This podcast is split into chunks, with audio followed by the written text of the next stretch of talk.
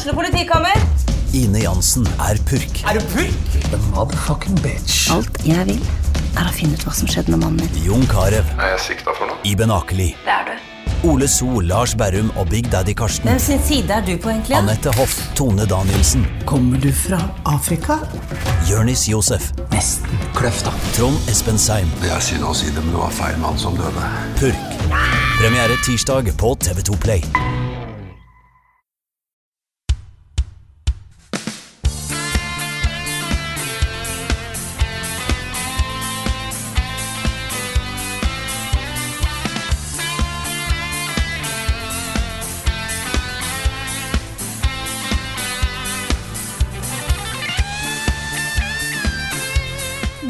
Til Donald sier tut-tut idet han kjører med podkast nummer 313 ut på internettet og til din faste lytteplattform. Velkommen til en ny episode av podkasten Level Backup.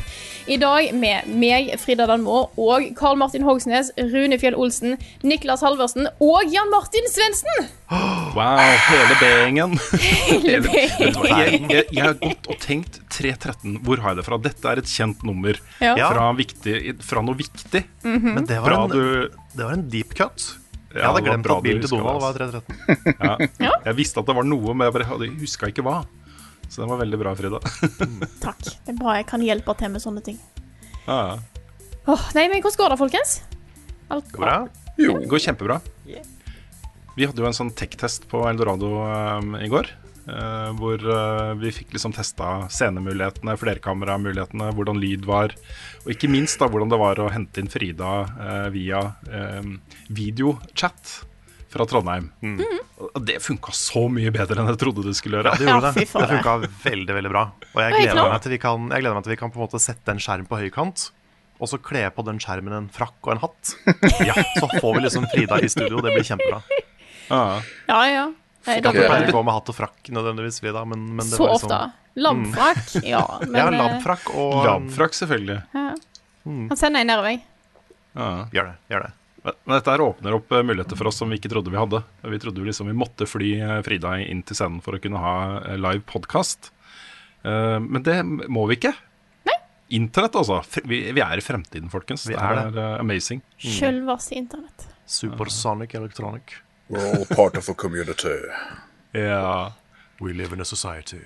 We live in a society. Og så er det jo en litt sånn derre, eh, semispesiell podkast denne uka her. Eh, Det hender jo at det skjer ting liksom på torsdag som vi føler vi bør ha med i podkasten. At det blir litt lenge å vente en hel uke med å ha det med. Og nå i kveld, for nå sitter vi torsdag formiddag, så er det jo State of Play, som jeg begynner å få litt høye forventninger til. Så vi um, tenkte vi skal få med den, så nå spiller vi liksom hele podkasten unntatt av neste spalte. uh, ukens hotteste. Og håper vi at det skjer noe hot, da. Ja. Det er liksom dumt av ukens, ukens hotteste. Og så er det liksom Ja, Ja, ny, ny Nei, vært remastered. Altså, hvis, hvis Nack hadde blitt vist der, så hadde det vært ukens hotteste. Ja, altså, det, det hadde vært uh, feiring. Nack remastered. Nei, ikke Nack Remastered. Men, men NAC3 Ja, Nack Nack 3, 3, det, det, det er det kvarte problemet. å Welcome to NAC-kart. yes. NAC-kart, ja. Der har vi noe. Ja. Ja. PlayStation Allstars Battle Kart. Yeah. Åh, ja.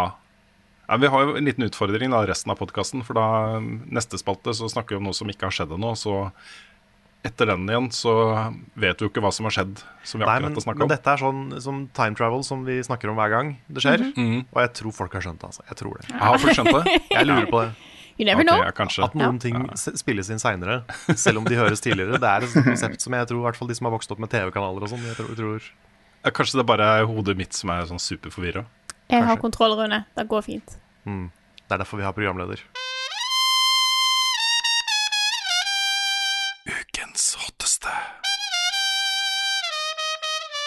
Vi nærmer oss eh, midnatt eh, natt til fredag, og har akkurat eh, sittet og sett på State of Play, den nye digitale pressekonferansen til Sony. Det må jo bare slås fast først som sist, da, folkens, at det ble jo ikke noe Elden Ring denne gangen heller. Nei. Nei. Jeg tror det var derfor Frida gikk og la seg. Ja, det var nok bare derfor. Frida er dessverre ikke med nå. Hun var litt trøtt og hadde litt vondt i hodet, tror jeg. Mm. Men Vi, resten av oss er her. Ja, hele, hele gjengen som er med i resten av podkasten. Vi hadde jo relativt høye forventninger til den her, selv om det har vært litt sånn hit and miss på, på disse State of Play-konferansene. Ja, jeg merker at du hypa meg opp litt. For jeg forventa litt sånn her, ja, State of Play er litt sånn hit and miss. Det pleier å være litt sånn noe spennende og ikke så mye. Men, men du har snakka så, så mye om eh, hva du forventer å se. Ja, jeg jeg hadde forventa noe svært der, og så fikk vi jo da også på en måte noe stort. I hvert fall noe som skapte litt hype eh, hos eh, enkelte i redaksjonen. Oh, ja da. Eh, helt på tampen der så kommer jo da eh, nyheten om at Final Fantasy 7 Remake er på vei til PlayStation 5 med en oppgradert versjon, og i tillegg så får det en egen bonusepisode som heter Intergrade. Riktig. Og lansering er der allerede den 10. juni. Eh, Du vil også kunne da velge mellom eh, performance mode og eh, quality mode, sånn som i så mange andre spill. Så det betyr jo da i praksis eh, 30 FPS, eh, 4K eh, HDR, og, eller da 60 FPS eh, og, uten HDR, eller noe sånt. Shit. Det er jo et Ja. eh, grisevakkert spill, så det å få det med enda bedre lyssetting og enda, enda bedre frames kortere loading-skjermer og sånn, det, det er ikke feil. Æsj a meg. Æsj a meg.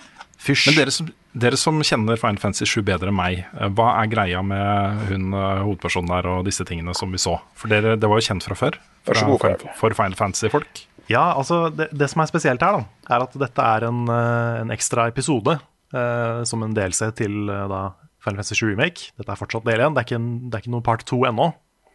Eh, men dette er en episode som handler om Yufi, eh, og hun er en eh, optional eh, party member, altså en spillbar figur i originale Final Fantasy 7.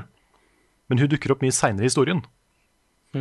Så dette her ser ut som Det var ingen storyscener der som jeg kjente igjen i første omgang. Kanskje hvis jeg går tilbake og eh, analyserer det vi fikk se, så kanskje jeg kjenner igjen noen ting. Men, ehm, men dette er jo da en ny historie eh, med Yufi, som er satt før man møter henne i historien til vanlig. Så, så det er kult. Det så ut som det var ganske, ganske spektakulært. Mye over the top på bosser, sånn som i resten av spillet. Så det er bra. Og eh, det var også et hint der som var en ganske sånn deep cut. For det var en figur fra det der Vincent Valentine skytespillet, Dirge of Cerberus. Og det har vært, jeg har vært litt usikker på liksom, hvor mye kommer de til å bruke alle disse andre spillene eh, som er laga rundt Final Fantasy 7. For det var jo en del av de. Det var en prequel på PSP, det var et skytespill på PlayStation 2 som ikke var noe bra, men eh, de fletter jo nå da inn historien fra de også, i remake på en eller annen måte. Virker det som. Det var i hvert fall en, Ja. eh, noen, noen hint av det. Så eh, ikke godt å si hva som skjer nå, altså. Det, er, det var en curveball, det der. Det så ganske heftig ut. Det er også gledelig å høre da, at uh, noen velger å bare gi denne PS5-oppgraderinga ut gratis til de som uh, har PS4-versjonen fra før. Eh, og du kan også overføre saven fra PlayStation 4. Er helt riktig. Helt riktig gjort. It's, it's how it should be done. Yes, Men DLC-en er jo da ikke med. Den må du kjøpe separat. Ja, det, det er jo riktig. Det gir også mening.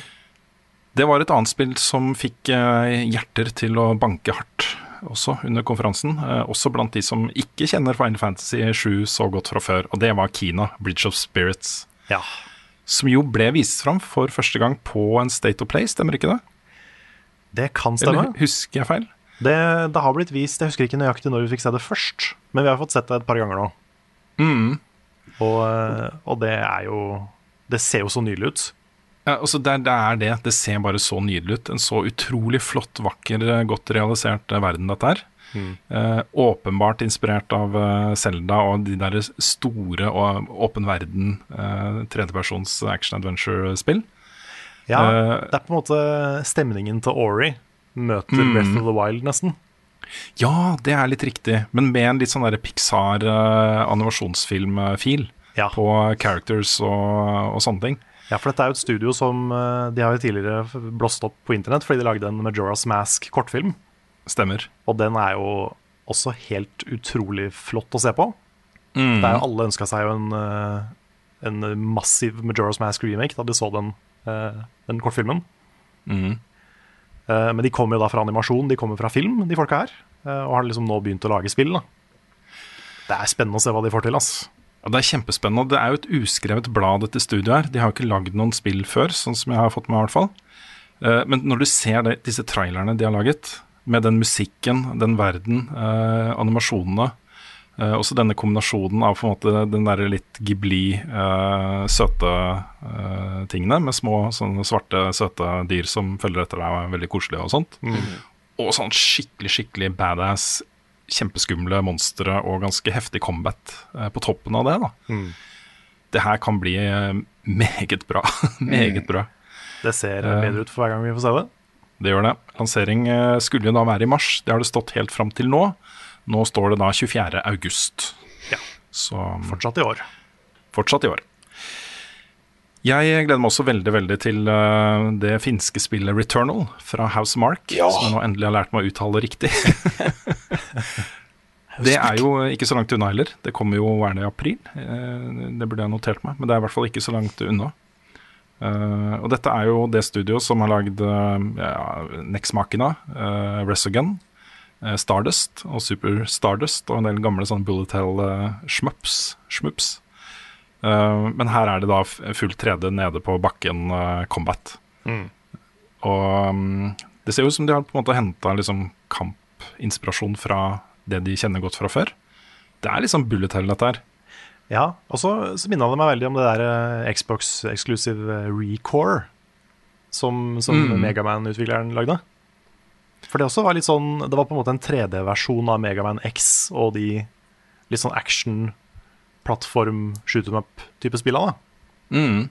Og det er noe der som funker, altså. Jeg syns Recore var gøy, det var bare litt, litt unpolished. Vi får eh, hjelp fra Isak Obi i chatten her. 30. april kommer Returnal, det høres riktig ut. Eh, og Det som er eh, litt interessant her, er at det er på en måte bare én hoved, én rollefigur du styrer. Eh, og en rollefigur i denne verden her. Eh, det er jo en eh, litt middelaldrende eldre dame som er fanga i en, en sånn timeloop hvor hun dør og starter på nytt. Og må da på en måte utforske mer og mer av den verden her og låse opp nye ting og, og sånne ting. Og det Besøke og ja. Uh, ja, det, når hun kom til det, plutselig så er det sånn klassisk amerikansk hus ute på prærien som står bare inni den verden her. Det var creepy, altså. Ganske creepy.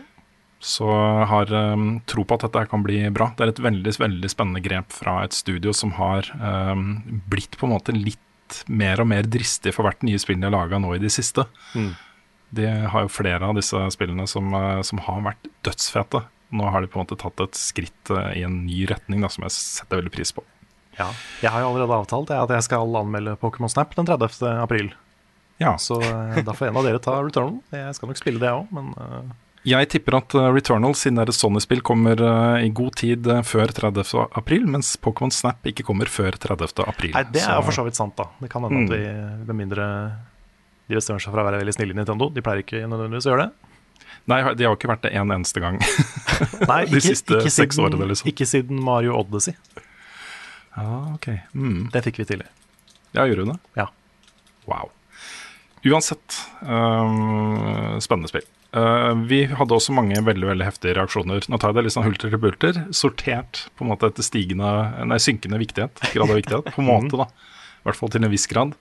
Uh, Solar Ash, det nye spillet fra uh, utviklerne av Hyperlight Drifter. Det var smooth. Jeg tror det var Frida som satt mest pris på det, men vi satte jo veldig stor pris på det alle sammen. Ja. Det var et lekkert spill. altså Du er fanga inn i et uh, sort hull. En slags verden inni et sort hull. Eh, og du må gjøre en del greier der da, for å redde hjemverdenen din. Du har reist dit for å redde hjemverdenen din, og det er masse sånne der, Uh, Helt til slutt, da. Sånn Shadow of the Colossus-lignende kjempebosser som flyr i lufta og sånt. ja, sånn svær som drage-slange-type ting som var i lufta. Mm. Og det, ja, det så ut som et, igjen et plattformspill, egentlig. Med, sånn, med fokus på sånn veldig flytende bevegelser. Mm. Og det, that's my jam. Feel and flow. Mye lilla og rosa og litt sånn eh, Lyseblått. Lyseblått, ja. Sånn pastell eh, eller sånn eh, neonfarge. Det er liksom blitt fargekartet deres, tror jeg. Det er det. Det er litt kult at du kan se et spill, bare et skjermbilde fra et spill, og si hm, kan det være det spillet, nye spillet fra de der, liksom. Ja. Det er litt stilig. Og apropos, da. Jeg føler jo også at Arcane Lyon har fått litt den statusen. Du kan se et spill fra dem og få en Kjenne igjen på en måte estetikk fra ting de har lagd før, og en egen sånn unik identitet da, i det de lager. Og Deathloop føles jo som en sånn derre nyinnspilling av en 70-talls actionfilm, på en måte. Med musikken og locations og set pieces og kostymer og alt som er henta rett ut av en det kunne, Dette kunne vært liksom Quentin Tarantino eller, eh, Ja. eh, eller noen som lagde på en måte sin versjon av en sånn eh, period-film fra 70-tallet. Mm. det, jeg jeg syns bare det ser så kult ut. Det er veldig veldig fokusert på combat. Men jeg syns på en måte alt i den verden her er så interessant, da. så jeg gleder meg skikkelig til å spille. Og det kommer jo i mai på PlayStation 5. Dette studioet her er jo også eh, de som har lagd Dishonored, selvfølgelig. Så Dishonored 1 og 2. Du kjenner en del av gameplay-loopen fra, fra de spillene. eh, Med mindre du spiller det sånn som Nick og meg. Uh, snikker oss rundt og ikke dreper noen. Ja, fordi nå har det endelig kommet et spill hvor vi kan really let go, ikke sant? Dette Ja, det er helt sant. Dishonored-gameplayet. Mm. Altså, det så kjempemorsomt ut. Det ser kjempe, kjempegøy ut. Jeg ble også veldig positivt overraska av uh, Sifu, som er det nye spillet til utviklerne av Absolver. Og jeg husker vi snakka en del om det, Nick, da det kom. Ja. At her er det kjernen til noe som potensielt kan være veldig bra. Fordi det de har jobba med da, i Absolver, er jo et kampsystem. kampsystem. Som er veldig sånn skalerbart, og du kan eh, bli god på en måte. Du kan øve inn forskjellige kampstiler og moves og sånne ting. Ja. Og nå flytter de det da inn i en mer fokusert actionopplevelse, og det tror jeg kan bli gøy, altså. Ja, for jeg håper det er en god flyt, altså. Mm. Liksom eh, det Absolver var veldig bra til sånn én-mot-én-kamper, men her er det liksom en korridor fylt med folk. Og du Mm. kan bruke the environment og kaste ja, Kaste en treplanke eller kaste fiender inn i hverandre og sånn. Så det er egentlig, jeg ble plutselig veldig spent, altså. Jeg visste ikke at de Ja, skulle nå- lage noe mer. Nei, ja, det, det er bare en uh, ny announcement. Ja. Jeg lurer på hva Sifu står for, fordi um, Det er uh, læremester. Ah, Hva er det det? Det er liksom uh, kinesiske sensei. Ah, det visste jeg ikke. Jeg trodde det var en sånn Snafu, en sånn uh, akronym. Eh, av type ja. Oh, ja. Sup situa Situation super, is, is fucked up. Blir på. super important uh, French underdog. Nei, dette, Eh, ja. dette, dette plukket jeg opp fra å se på mange Ipman. Uh, mm. martial arts-filmer, aka læremesteren til uh, Bruce Lee. Ja, Da sier de om uh, Shifu. Aha. Utgivelse var vel der satt til 2021 én gang. Det sto vel ikke noe mer enn det. Det mener jeg stemmer. Det så ut som en litt kul gimmick at når du døde, så eldra du og kom tilbake. Oi, er det sant? Ja, det det fikk jeg ikke med meg. sånn ut. Ja, når han, var- hovedpersonen eh, døde, så kom han tilbake, og da hadde han skjegg. Og Ja. så litt mer gruffet. Og så var det da en dude eh, eller, Og helt på slutten der så hadde han helt hvitt hår. Så det var eh, Det så litt uh, mystifistisk ut. Ja, høres eh, kult ut. Nei, Jeg digga visuelle stilen her. Den er jo veldig lik da, den du fant i Absolver. Ja. Det gjør ikke noe, det. Å nei? Eh, Pressekonferansen til Sony starta jo med eh, masse fra Crash Bandicut 4, som jo er på vei til eh, PlayStation 4 og 5. Hva var det vi fikk, vi fikk se der? Du kjenner jo Crash eh, best fra før, eh, Nick. Nei, det var egentlig bare Det var noen nye multiplay-moduser der. Eh, De fokuserte også mye på disse adaptive triggers. Og egentlig bare en mye smoothere Crash Bandicut.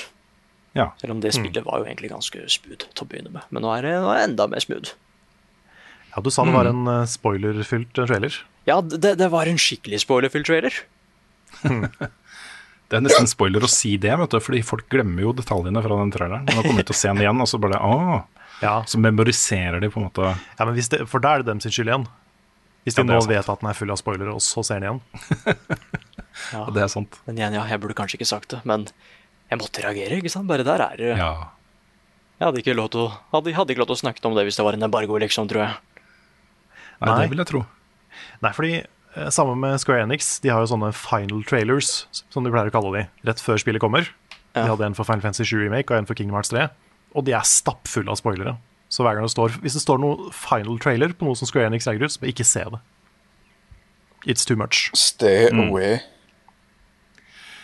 Vi er nesten gjennom lista, dere. Eh, Jeg har lyst til å nevne Knockout City også, som jo ble vist fram på Nintendo sin eh, Direct i forrige uke for første gang. Stemmer.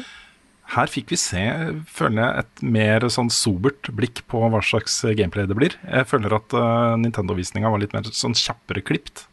Ja, og så så var det sånne rare jokes med noen sånne copyright uh, infringement characters som så veldig ut som World of Warcraft og en eller annen sånn pixel-prinsesse Mm. og sånn. Ja. Men her var det rett på sak. Vi fikk se lange klipp av gameplay. Det så mye mer gøy ut enn det gjorde på Nintendo sin. Ja, det. Ja, det, dette er jo på en måte en sånn, sånn safe Fortnite. Altså Du kaster baller på hverandre. Det er dodgeball, liksom. Det er Mm. kanonball. Ja. Eh, The game. Ligger nærmere Splatoon liksom enn Fortnite.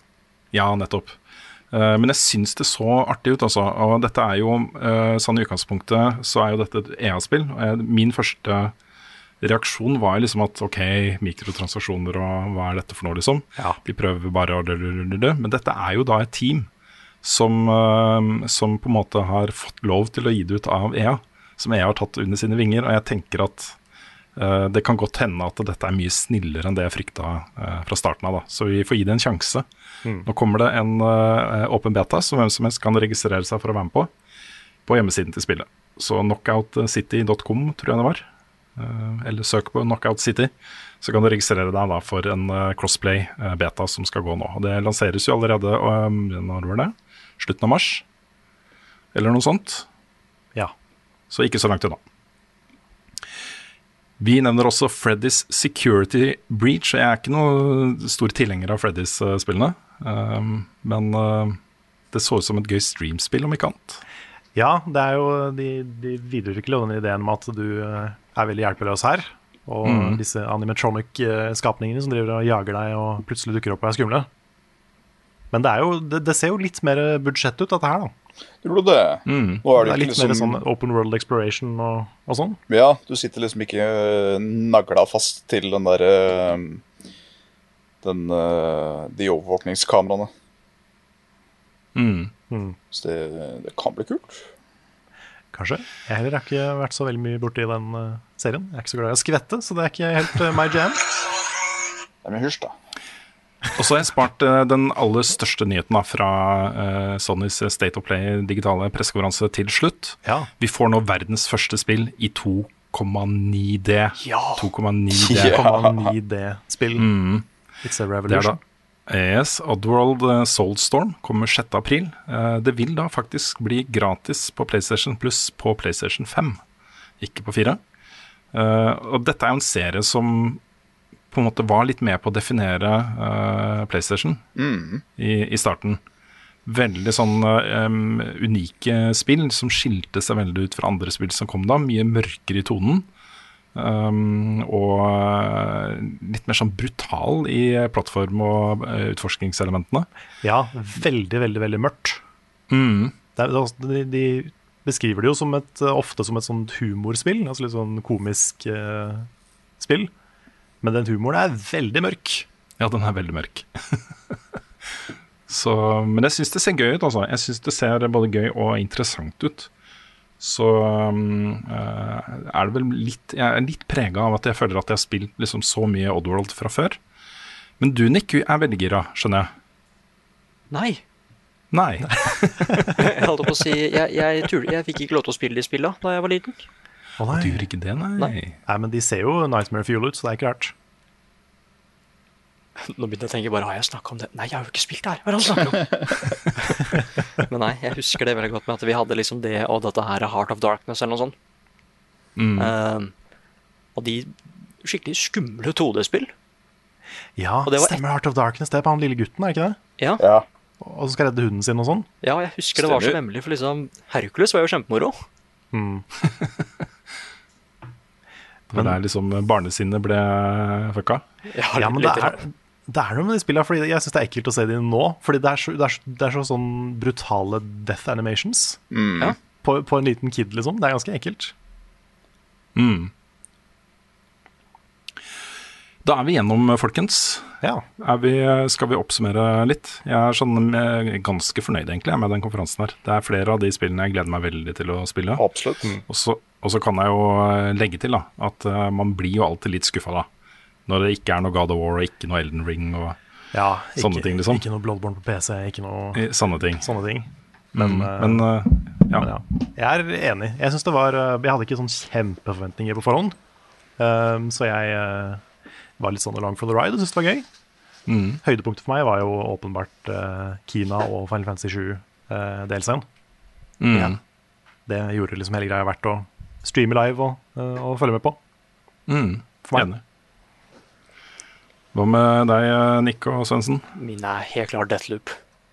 Ja. Det, det var en så kul låt også. ja, den var, den var fet, altså. Det var ja. James Bond-theme. Ja, vi snakka om det. Yes. Det minte meg så mye om James Bond. Mm. Nei, altså bare jeg er, jeg er så spent på liksom hva gameplay-loopen er der. Loopen, liksom. At uh, du starter på nytt igjen hver gang du dør. Mm. De husker tydeligvis hva du har gjort. Hva er endgamet, liksom?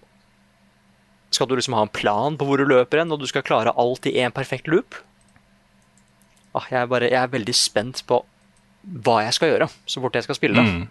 Mm. Og så så det bare kjempegøy ut. Det minner meg litt om Manhunt. Konseptet til Manhunt. Å, Hvor uh, du er jo en dødsdømt eh, fange der også, og så kommer du inn i en sånn der uh, realityshow fra helvete. Hvor du har en director som sitter og filmer deg og følger med på det hele tiden. Og i den verden du er i nå, så er det bare tett befolka av livsfarlige mordere. Du må få opp ratings da ved å gå rundt og drepe folk. da. Stemmer. Mm. Plastpose og saks og murstein og meg.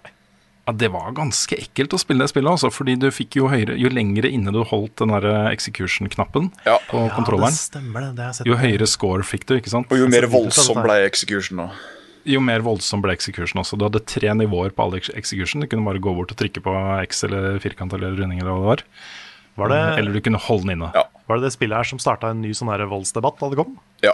Ja, det vil jeg jo si. Det var jo Rockstar som stod bak dette også. Da var jo, Ja, da var det jo tydeligvis en, en eh, ung mann som hadde mm, hadde endt opp med å drepe vennen sin i eh, tydeligvis i en eksakt lik måte som en av executionene i, eh, i, i spillet. Og da var det jo selvfølgelig da spillet sin skyld for at han mest sannsynligvis var så skada som han var. Ja, jeg ser det lokalpolitikere i Chicago prøver også å forby eh, voldelige dataspill, og særlig GTA, da, fordi det er en eh, voldsom eh, oppadgående kurve i folk som stjeler biler i Chicago om dagen. Ja, det er, nok, mm. det er nok det nå ganske mange år gamle GTA som, som har skylda. Selvfølgelig er det det. Spill er skylda på alt ondt. Jeg lurer på, lurer på hva Jack Thompson gjør for noe nå. Ja, Kanskje, kanskje få han tilbake. Kanskje det. Ok, du skal få siste ord, Sønsen. Svendsen. Hva syns du om eh, pressekonferansen? Nei, jeg òg gikk jo inn ganske blindt her. Eh, hadde vel egentlig ingen formening eller forventning om hva som skulle dukke opp. Eh, så da blei det jo veldig mange eh, positive overraskelser. Um, Yeah. hva, hva het det med hun som var i en sånn uh, timeloop? Returnal. Returnal, ja. Det var nok det jeg kjente jeg eh, Jeg, jeg beit meg mest i leppa over. Jeg, jeg, jeg, kan, jeg kan verdsette god uh, sånn rogelight, altså. Og det er, det er ikke så mange av de, virker det som, som er i, i, i det formatet. Nei, det er Nei. sant, Ja, det. er faktisk sant. Så det, Nei, det, var, det var noe De har bekreftet at det er rogelights. Altså, hun sa, Ja. det, Ja, De sa det i hvert fall at når du døde og sånn, så skifta room-layouten. Det var forskjellige fiender. Ja, ja, ok. ja, Og så fikk du disse her- elementene. Ja. Ja, så fikk du med deg litt eh, upgrades Ja, og sånne sånne relics fra som upgrada og hadde passive effects litt sånn in the random. Mm. Det høres ut som en sånn øh, Å ja, jeg skulle ikke få lov til å ha et liv utafor deg. Nei, ok, nei, men det er greit, det. Yes, yes, yes. Topp stemning. Ja, ja, ja. Ja, ja, topp stemning. Spiller, spiller Returnal hele dagen. Ja, ja. Nei, så det, det var det. Og så var det faktisk bank i bordet, det der ballspillet, som uh, gjorde meg litt, Ja. uh, litt ekstra curious. Kontra den uh, litt directionløs øh, Switch-revealen. Ok, da, har du, eh, da er det spillet ditt, eh, Svendsen. Ok. Ja. Jeg spiller øh, ekstrem kanonball. Null problem. Jeg kan være med og spille noen runder. Ja, gjør det Ja, gjerne jeg det. også. Så mange som Mm. uh, you- The more the merrier. Åh, Ja, vi kan jo ha tremannslag her. Det er jo ting, det. Mm. Men da foreslår jeg at vi eh, lar det være eh, slutten på den spalten her, og så går vi eh, tilbake til studiene, eller? Tje. Ja, til- tilbake til den vanlige podcasten.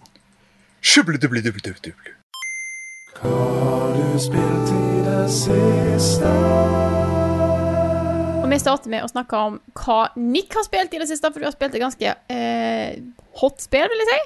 Det stemmer, fordi jeg har Ja, hot og hot, fordi jeg har Ja. jo Hot og spilt hot. eh, hot og hot. Jeg har jo spilt dette her eh, Vi eh, vi barbarer og sånn, vi gjør oss jo klar til å ta en eh, liten tur innom Valheim, da.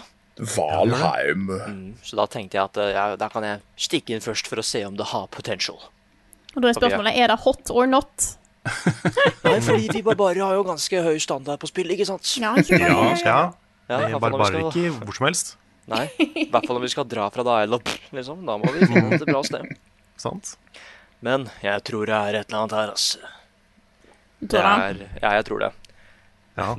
Det, det, tok et, det tok to sekunder før jeg ble sånn Å, dette er kult. Med at eh, jeg slo et tre, og så levela jeg opp både slåing og trekutting. Oh, Hei. Ah, Så det er et sånt der system at det du gjør, det leveler du opp i. liksom. the numbers Elskov going up. style. Ja, og, og jeg er alltid så glad i sånn progresjon, da. Ditto. Med, med at liksom, da har du en, da har du til slutt en, en eh, trehoggedude og en knivedude og en At det, det er veldig lett å lage sine egne klasser av det. nå. Mm. Det Hva er du for noe? Jeg er kniv. Ja. Allah, det er jeg som er kniv. Og det er Ja, liksom fordi, ja, fordi I motsetning til konaen, da, for der måtte du jo um, der, der kunne du liksom bygge hus i tre timer, og så plutselig levele masse health regeneration, f.eks. Ja, Ja. ikke sant? Jeg tror det er litt standard progresjonsgreia på sånne typer spill. Det er sånn på Arco, veit jeg. Ja. Fordi det er sånn at hvis for eksempel to stykker drar ut og jakter eller noe sånt, skal, skal finne mat, liksom, eh, og én eh, holder seg ved basen og hugger trær, så kommer han eller hun til å være desidert bedre til å gjøre det når alle sammen skal hugge trær, liksom. Og det, det var liksom en sånn klar forskjell, da. Og det liker jeg veldig godt. Igjen, la, lage sin egen klasse og sånn. Ja, Um, helt sant. Og jeg, jeg gjorde ikke så mye, fordi jeg så ganske tidlig at å dæven, her trenger jeg jeg trenger venner in the afterlife, fordi det er der man er i Valheim. Du har akkurat dødd, Ja. og da blir du sendt til dette kule stedet som heter Så du Valheim. er, ikke, du er ikke kul nok til å komme til Valhall, men du kommer til Valheim, som er Ja. på en måte under. Ja, jeg har ikke helt skjønt det ennå, uh, men, men, men det er i hvert fall det afterlife, da. Du kan se Yggdrasil langt unna, liksom. Um, og det eneste jeg veit, er at uh, målet i spillet er at det er sånne Det er world bosses her. Uh, og på starten så vet du hvor én er, liksom. Men du må gjøre en oppgave for denne bossen for å tilkalle denne bossen. Og idet du gjør det, da, så leveler verden opp, da. Litt sånn som Terraria. Enticing. Ja, den leveler opp. Du får ting, du får liksom greier til å lage andre greier. Og så er det sånn der at du oppdager nye ting med at liksom, hvis du hugger et tre, så kanskje du lærer hvordan du kan bruke dette treet til et eller annet. Finner du en stein? Ja, kanskje jeg kan bruke det til å lage tools, da. At liksom Progresjonen er veldig knytta til utforsking i det spillet. Og det liker jeg veldig Det- godt. Det er jo sånn som det er i Minecraft også. Når du hogger, eh, hogger trær og får planker, liksom, så får du beskjed om at å, nå kan du lage dette. Ja, ikke sant? eh, mm. Ja, det er vel bare i den andre edition, tror jeg. Ja, det kan stemme, det. Ja, det var ikke først, det-. Nei, det var i den, jeg, den første jeg spilte, så var det Ja, det kan, det kan stemme. Hva er dette for noe Porsche Minecraft? Ja, ja, ja. Sånn der uh, casual Minecraft. Cashcraft. Cashcraft. Minecraft på Give Me God of War. Yeah. Men det har jo vært utrolig sprøtt å følge utviklinga til Valheim fra litt eh, sidelinje nå. Nå så jeg, Det her er en nyhetssak som jeg flytter hit. Eh, på tre uker så har de solgt fire millioner eksemplarer på Wow. uh, Steam. Oh, Ja, Ja, nå tuter båten utafor her, også i tillegg. Jeg har en uh, sønn som sitter og spiller eh, etter alt som er veldig morsomt på rommet sitt, og så en uh, Tysklands båt på andre siden som tuter. Mm. Så hjemmekontor, folkens. Korona. Det var nesten yeah. litt sånn nifst, for jeg hørte, nå hørte jeg også en båt som tuta. Å ja. Men det kan ikke være samme båten, for da, det er, ikke- vi har ikke så mye delay fra deg til meg. Nei, det, det vet jeg ikke. Uansett, da. Fire millioner solgte eksemplarer av et Early Access-spill, sånn ut fra ingenting. Plutselig bare pang. Eksploderer det. Det Så jeg har Altså. jo installert dette spillet her. Det- Det er jo Var det under fire gigabyte stort? Jeg skjønner ikke hvordan dere har fått til det. Hva er greia, liksom? Ja, for jeg er tenkte artstylen er jo ikke liksom Den er jo veldig minimalistisk, liksom. Er det det som gjør den? Ja, det må jo være det. Sikkert. Nei, det har blitt uh, svære greier, dette her. Så Absolutt. øh, tipper det er mange, mange i redaksjonen som kommer til å spille dette her uh, innen nær fremtid. Hell yeah. Ja, Vi skal jo faktisk ha vår første barbarsesh i løpet av dagen, eller, eller de, de vakre vikinger. Ja. Oi, oi, oi, oi. No. Ja, for det lurte jeg på. Hva skulle dere kalle det? Ja, jeg foreslo det nå, men jeg har ikke, vi har ikke bestemt det. Nei. Eller de varme Vi- vi- vikinger. De vidunderlige vikinger. De vidunderlige vikinger. De, De, viktige, viktige, de viktige vikinger. Ja, Vemmelige vikinger. Vokale vikinger. de, ja. De viktige, vidunderlige, vemmelige vikinger. Du har mange De velur- forslag, De velurkledde, ja. velurkledde vikinger. ja vi kan kanskje finne det rareste ordet på V. The voluptuous Jeg skulle akkurat til å si det. Det var Volva vikinger. Vulva-vikingene. Passa ikke når jeg akkurat hadde tenkt å si de våte vikinger. Yes, ja, men herlig. Det Våte er, vikinger er jo kjempebra. De våte vikinger er jo Ja. ja. Kommer og raider alt som er vått. ja. Vi er sånn som- vi er sånn som The Wet Bandits i Home Ja. Bare at vi er vikinger. Ja. Eller noe. At vi Istedenfor å sette fyr på bygninger, så oversvømmer vi dem. Kommer bøtta karer. Kommer bøtta, skal vi ut og raide? Det er så gøy å få fram bøtta. Det er jo topp stemning. Fant en elg. Fram med bøtta. Åh, ja, nei, jeg, jeg ser dere har mange muligheter her. Jeg gleder meg til å se hva dette her blir for noe. Ja, og så er dere selvfølgelig begge to, eh, Rune og Frida, eh, hjertelig velkommen til å være med på Vikingeventyr en dag, hvis dere vil. Bli gjerne med Takk, takk. når jeg har tid. Fuck ja. Ja, skal Yes. jeg ta over? Ja, kan gjerne det. For jeg, jeg har jo spilt, um, spilt et annet nytt spill, nemlig Persona 5. Ikke Scramble, for jeg pleier å si Scramble, for det var det det het originalt. Men det heter Persona 5 Strikers. I, Ja, det fotball, fotballspillet. Persona fotballspillet. Persona Striker, det er riktig. Ja, litt sånn Mario Strikers og så Persona Ja. Strikers. Ja, Mm. det var, en, det var en vits som kom fra Twitter Gaming. Ja, var det det? Jeg tror det. I hvert fall jeg så de Ja. lagde coveret til eh, liksom fotball Ah. Strikers. Men det er da ikke et fotballspill. Nei, det var Nei. det første jeg tenkte da jeg så det. Altså Mario Strikers var Ja, det ja. første jeg tenkte da jeg så den tittelen. Sant?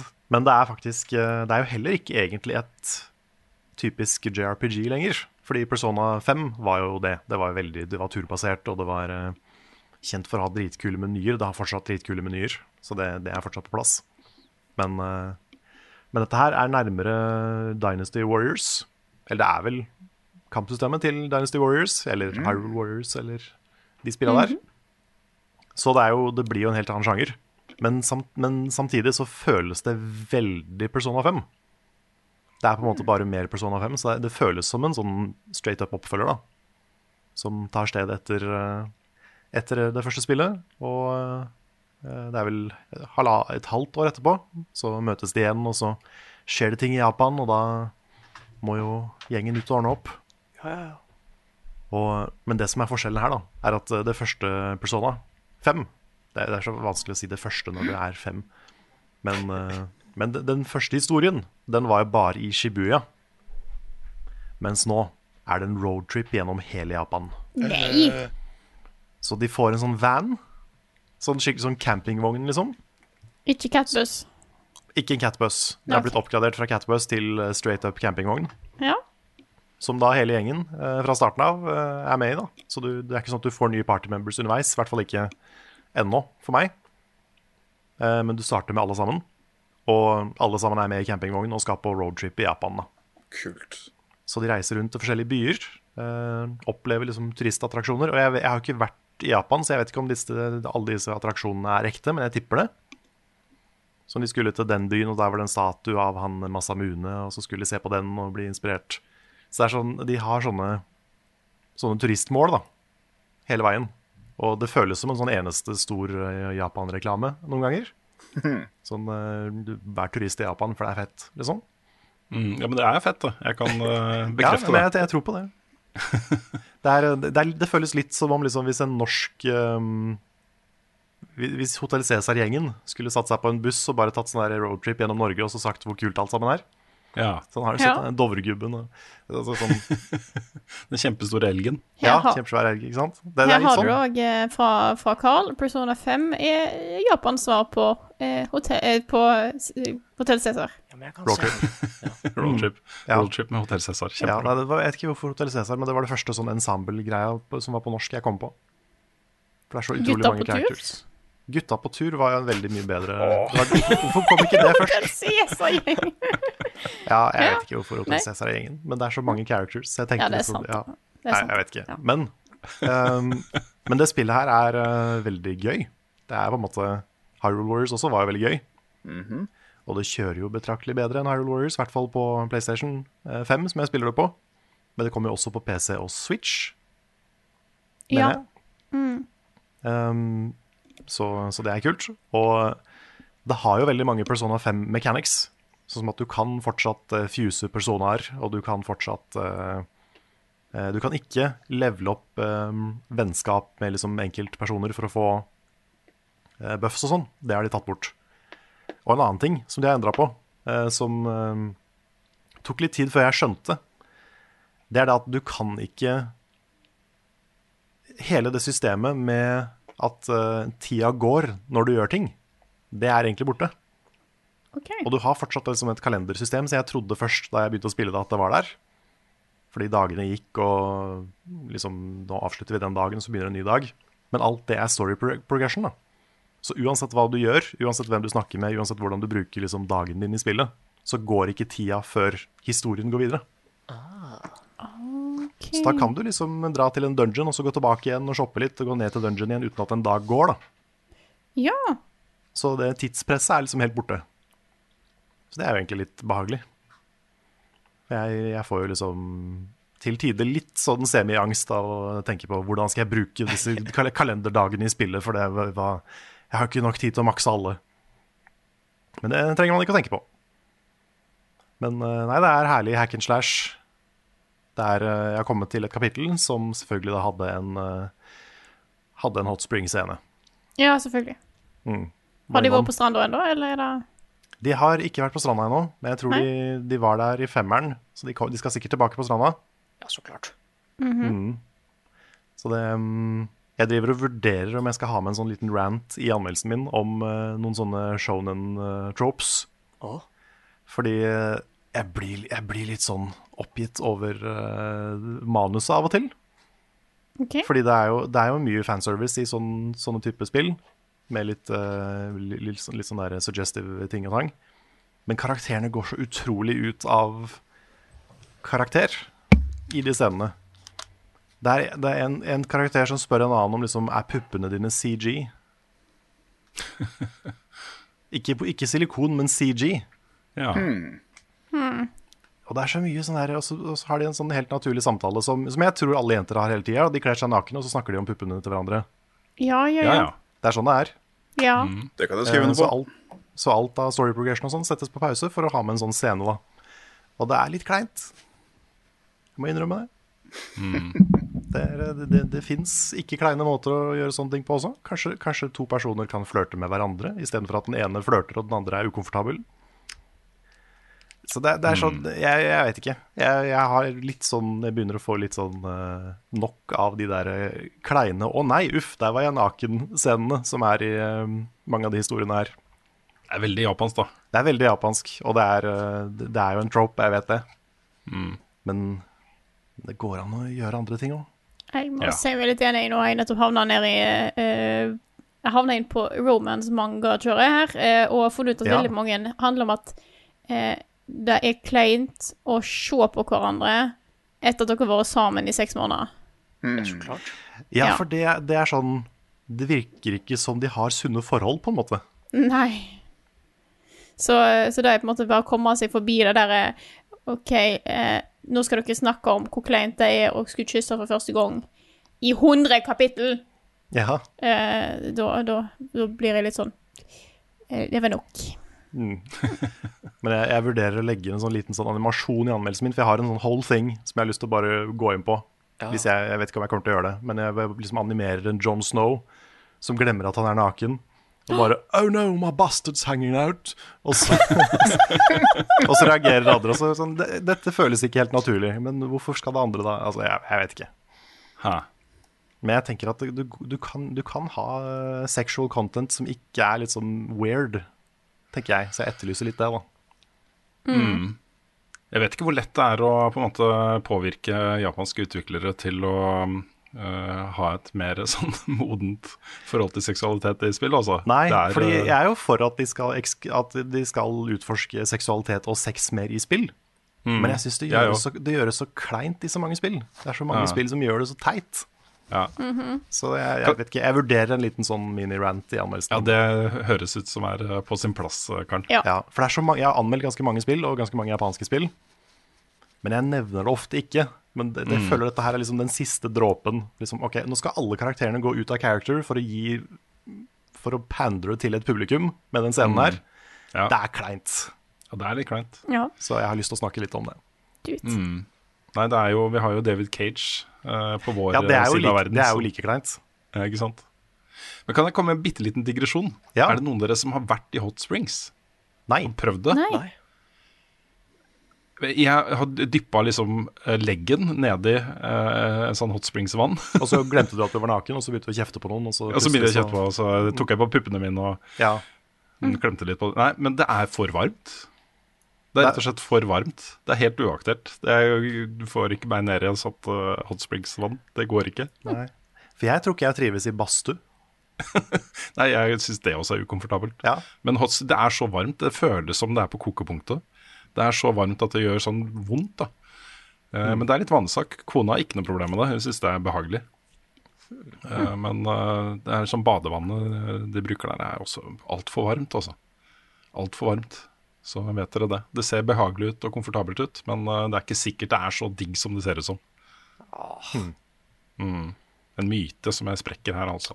Men driver disse Japan-reklame-persona-spilla og ljuger til meg? Det er jo mange som elsker hot springs, og det er jo et, eh, et sånn valfartmål. Eh, De beste liksom, hot springs av Japan er jo veldig veldig populære. Folk reiser dit på samme måte som vi reiser til uh, dyreparken i Kristiansand, på en måte. Um, men uh, for en uh, kald nordboer så, så ble det for mye, altså. Dessverre. Er det ei bøtte med kaldt vann der, så tror jeg jeg skulle kunne kose meg. Ja. Ja, vi får se. Ja. Men, ja. men ellers, da, så er jo eh, Jeg digger Strikers. Så det er kjempebra. Og det er eh, veldig gøy. Jeg har tatt tre store main dungeons. Så jeg tipper jeg er kanskje litt under halvveis i spillet. Det er ikke sånn 120 timers eh, spill, dette her, eller? Jeg håper litt ikke det. Ja. For det tok meg jo eh, to måneder å anmelde Persona 5. Ja, men du, Jeg husker jo hvordan du snakka om det. Du sa at ok, nå, du trodde at du på en måte var uh, på slutten, og så var det bare en helt ny bolk av spill etter det? Eller tenker jeg på et annet spill, da? Ja, det var, det var Royal, tenker jeg. Ja, det kan ha vært det. Ja, fordi først så kom jo Persona 5, og så kom Royal-versjonen, som hadde enda mer. Ja, Gikk fra å være kanskje 100 timer til å være 130. nettopp. Men jeg tror det her er kortere. Det er i hvert fall kortere dungeons. Litt mindre sånn sidegreier. Litt mer rett på sak. Uh, storyen virker litt mer fast-paced, så jeg, jeg tror ikke det er like langt. Nei. Men det er fortsatt langt, da. så jeg tipper kanskje sånn 60-70. Mm. Sånn ut fra der vi er nå. Ja, det er et uh, beefy spill. Det er det. Men uh, hvis man var glad i Persona 5, så er det mye å sette pris på her, altså. Jeg vet ikke om det er så gøy å spille hvis man ikke har spilt det. Du burde nok ha spilt det siden det er en direkte oppfølger, liksom. Mm. Men, eh, men er man, i hvert fall hvis man setter pris på litt sånn Warriors-type gameplay, så er det helt prima. It's a good Nice. time. Kult. Skal jeg ta over? Ja, ja. Ja. Jeg må begynne med noe som du og jeg har spilt, Karl, Carl, som vi ikke kan snakke om ennå. Men jeg har lyst til å Ja. nevne det, for det skaper litt sånne forventninger til eh, neste uke. ja, kan vi begynne med å si at du uh, renama denne kanalen vi sitter i nå, ja. til parterapi? Ja, jeg gjorde det. Ja. Jeg gjorde det. Da skjønte jeg ingenting. Nei, det var mange som ikke skjønte noe. Men uh, når jeg sier hvorfor, så kommer alle til å si ah. Mm. For Carl har nemlig spilt uh, de første timene av It Takes Two. Som jo er et spill som handler om Det, det handler om parterapi. Ja, det gjør det. Sånn straight Ja. up. Det er jo et par som skal skilles. Mm. Så øh, vi er, har jo ikke lov til å si noe om det ennå, men vi har øh, da spilt noen timer og tatt video av det. Mm. Og ikke minst har vi også, det har vi ikke video fra, da, men vi var, var jo også på en sånn Q&A-session med Josef Fares, som var helt herlig. Ja. Vi kan ikke si noe om det heller, men det var helt herlig. Det, var et, det å få vært med på det var bare et, et sånn journalistisk høydepunkt, da.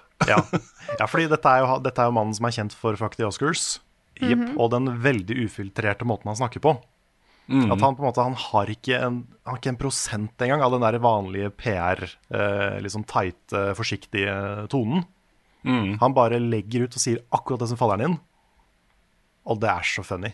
Og det er så gøy, Ja, det er og det er så gøy å høre på. Du merker liksom lidenskapen, og alt, alt føles så real. da Ja, det er veldig forfriskende, altså. Så der er jo sperrefristen på den videoen er 2. mars på ettermiddagen. Vi er litt usikre på om det er klokka 17.00 eller 18.00, for det står liksom eh, BET på den ene, og så står det CET på den andre, og det er jo to forskjellige tidspunkt. Ja, det er det. Er. Så det skal vi få av, avklart, da, men det er 2. mars i hvert fall på ettermiddagen. Så Ja, Da var kan- dere teste, teste videoen. Ja, så det vi kan, det vi kan si, da, er at det er en, vi, vi har lagt det opp som en litt sånn um, slags uh, komprimert Let's Play-type video. Uh, Da jeg redigert ned til høydepunkter, hvor uh, det handler litt om at det skal være litt parterapi for Rune og meg. Ja, Det er bra, det det, ja, altså. s- Ja, som om vi trenger det, som om vi trenger det, egentlig. Ja, Liksom. nei, det, det hender vet du, at uh, Rune kan være litt slem i spill og sånn. Så kanskje det er greit å ha et spill hvor man kan ta opp litt sånne ting. Og, og komme til Her kan det være et uh, greit tidspunkt til nevne at det var en av oss som ønsket den parterapien. det var en av oss som ikke helt så uh, noe vits i det. Nei, men Derfor så er det viktig å ta den, ikke sant? ja, det er sant. Det, Ja, det er det, sant. det er ofte sånn det er i parforhold. Den ene mener at alt går fint, og den andre bare Ja, nei, det, jeg føler at når du gjør sånn, så føler jeg dette. Mm, jeg må eh, bare innse da at eh, her må jeg respektere følelsene dine, Carl. Ja. Det er viktig i et uh, sunt parforhold, vet du. Ja, det er det. Gleder Men ok, der kommer det masse neste uke. Um, jeg har også da den siste uka eh, brukt utrolig mye tid på norske spill. Fordi den 4. mars så er det Spillprisen. eh, som eh, har blitt en sånn årlig høydepunkt, føler jeg, da. For den norske spillindustrien. Dette er jo en eh, pris eh, skapt av den norske spillbransjen, modellert etter Nordic Game Awards. Så er det i samme eh, priskategoriene som det er i Nordic Game eh, Awards. Eh, og dette er på en måte et ledd da, i å knytte den norske spillbransjen tettere til de andre eh, nordiske landene.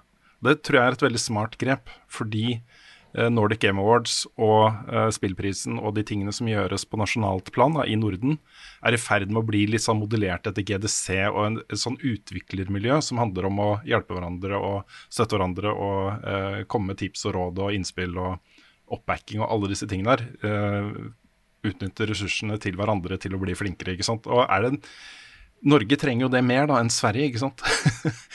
som eh, jeg, jeg tror bare dette er et sånn bra grep eh, som eh, det kan komme mye bra ut av.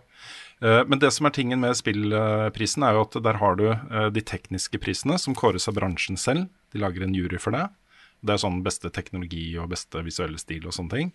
Og så har du tre pressepriser, som er eh, årets beste spill, Eh, årets beste spill for liten skjerm og beste moro for alle, som er en kategori jeg ikke liker, men den er der.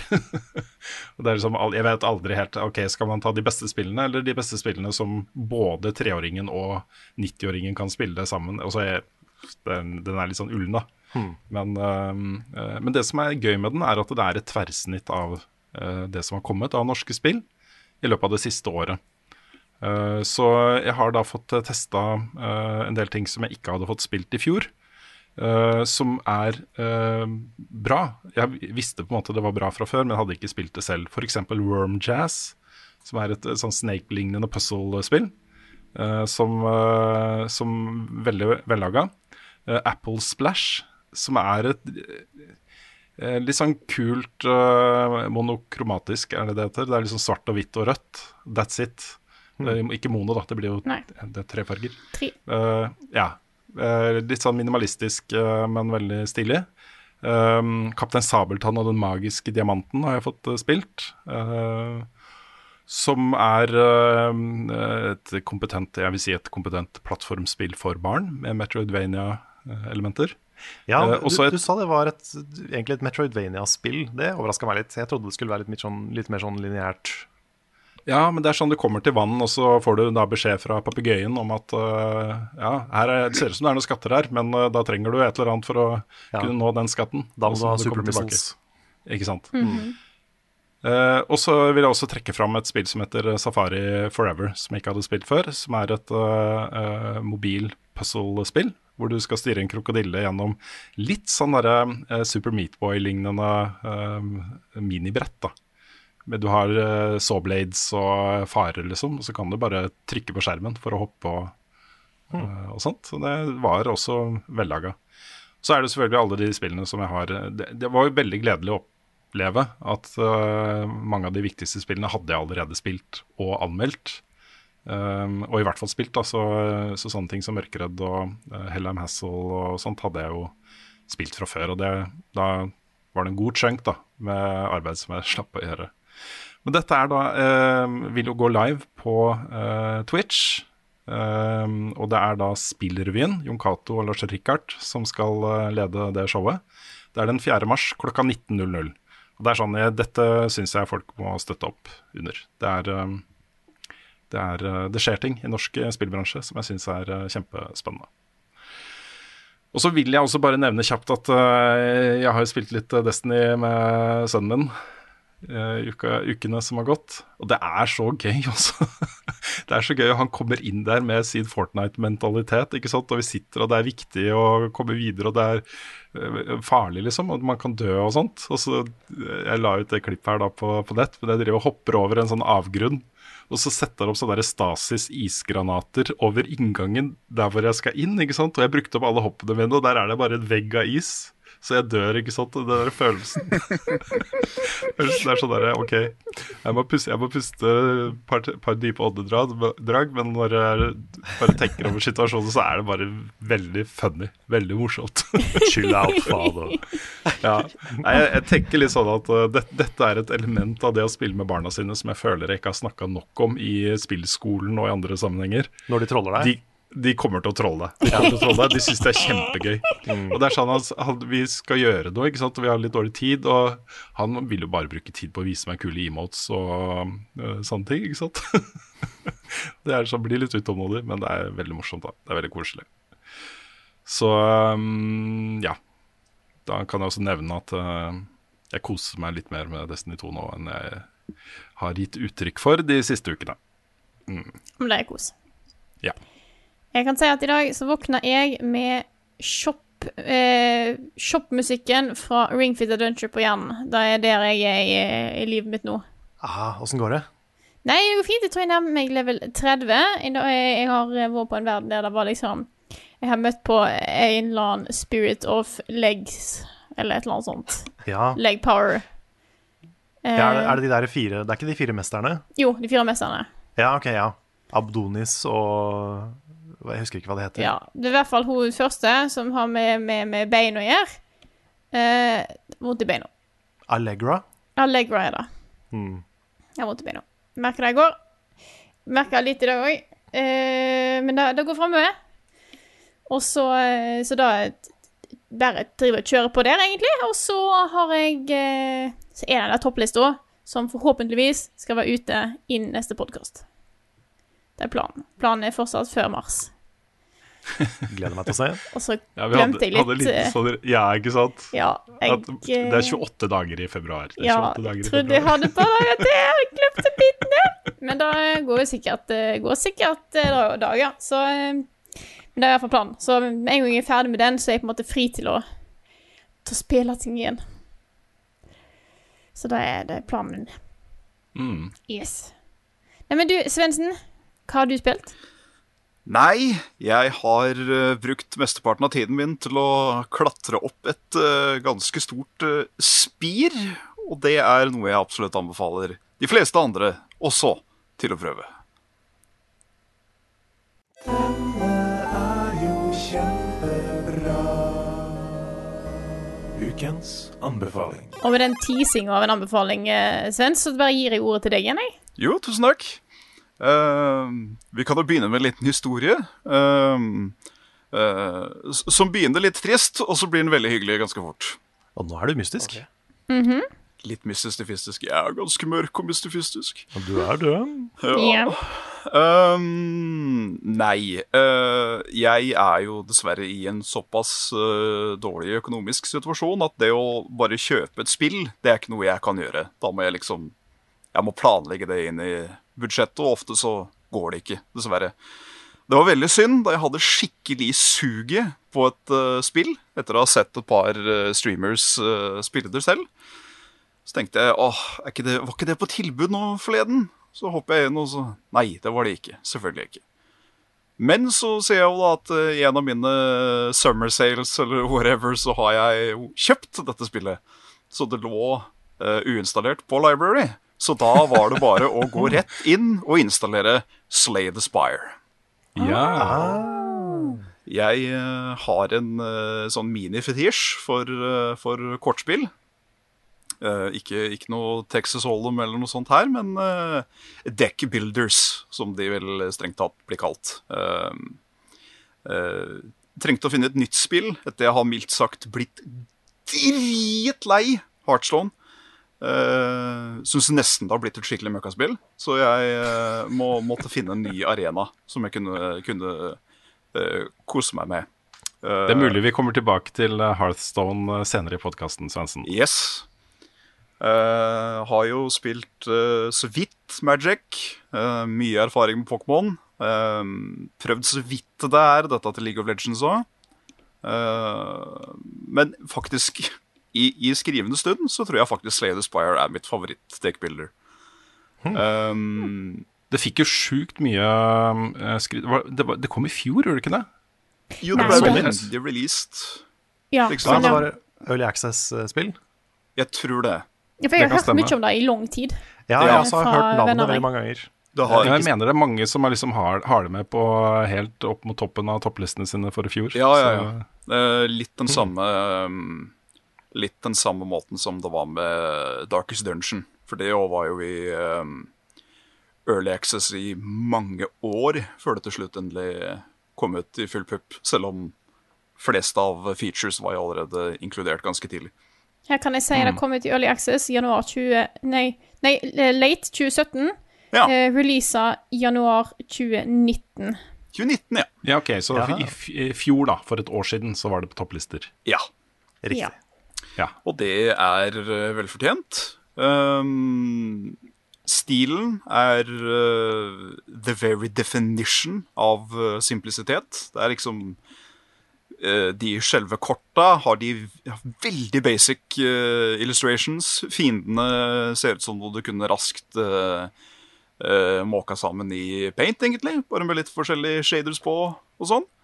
Eh, og så har det et eh, soundtrack som eh, er mye mer Unnskyld bruken av ordet episk enn det det, enn det, det, enn det, nesten fortjener.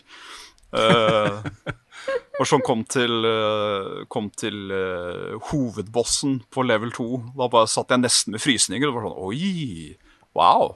Og det er en sånn tullete, kjempediger fyr i rustning med, med kongekrone på, som bare het The Champ. Men musikken hans var bare sånn Åh, wow! um, og det er eh, Det er litt sånn som Heartstone i den forstand at det er veldig lett å sette seg inn i. Kanskje enda lettere, fordi eh, det er simplisiteten selv, egentlig, i hvordan eh, spillet spilles. Du har attacks, og så kan du hele tiden se hva fienden skal gjøre når din tur er ferdig. Eksempel hvis en fiende da står et lite knivikon over huet på han, og så står det sju. Da betyr det at etter turen din er ferdig, så kommer han til å gjøre sju damage mot deg. Og da må du velge sjøl, da. Med, hmm, skal jeg da bare måke på med damage attacks? Eller skal jeg bruke litt eh, mana, eller energy, som det heter her, til å få opp den armoren, så du da kan blokke den damagen og ha mer liv til å styre med eh, videre. Um, og det er et sånt um, åh, Jeg vet ikke hva slags system man kan kalle det, men eh, du, du begynner i et rom på et kart, og det er som regel en, bare en vanlig fiende. Og så er det liksom branching paths ut til sidene, um, hvor andre eventer kan skje for hvert rom. Plutselig er det en ny fiende, eller så møter du en kjøpmann, så du kan kjøpe nye kort. Fjerne kort fra dekket ditt. For det er noen kortstokker som du har lyst til skal være små og kompakt, bare for å få liksom Her har jeg kjernen av hva, øh, hva, hva det går i. Uh, uh, så da kan en bruke penger på å bare fjerne kort istedenfor å legge til masse rart. er en good shit. Um, Og så gjør du dette nok ganger, helt til du møter uh, N-bossen på det layeret. Dreper du den, så får du penger, kort og en relic, som bare er en sånn passiv uh, greie som gjør en eller annen bonus litt, uh, litt vilkårlig. Uh, så gjør du dette tre ganger, og så har du da muligheten til å slåss mot The Secret Final Boss når du har fullført spillet med de tre starterkarakterene. For det er fire classes i totalt, med helt forskjellig spillstil, helt forskjellige kort og helt forskjellige sånne relics. Og som spiller, uh, spilles på helt forskjellige måter. Um, jeg begynte vel å spille det for en fi-fem dager siden, kanskje, og jeg har bortimot 40 timer i det allerede. Så Wow. jeg ble, jeg ble Wow. hooked.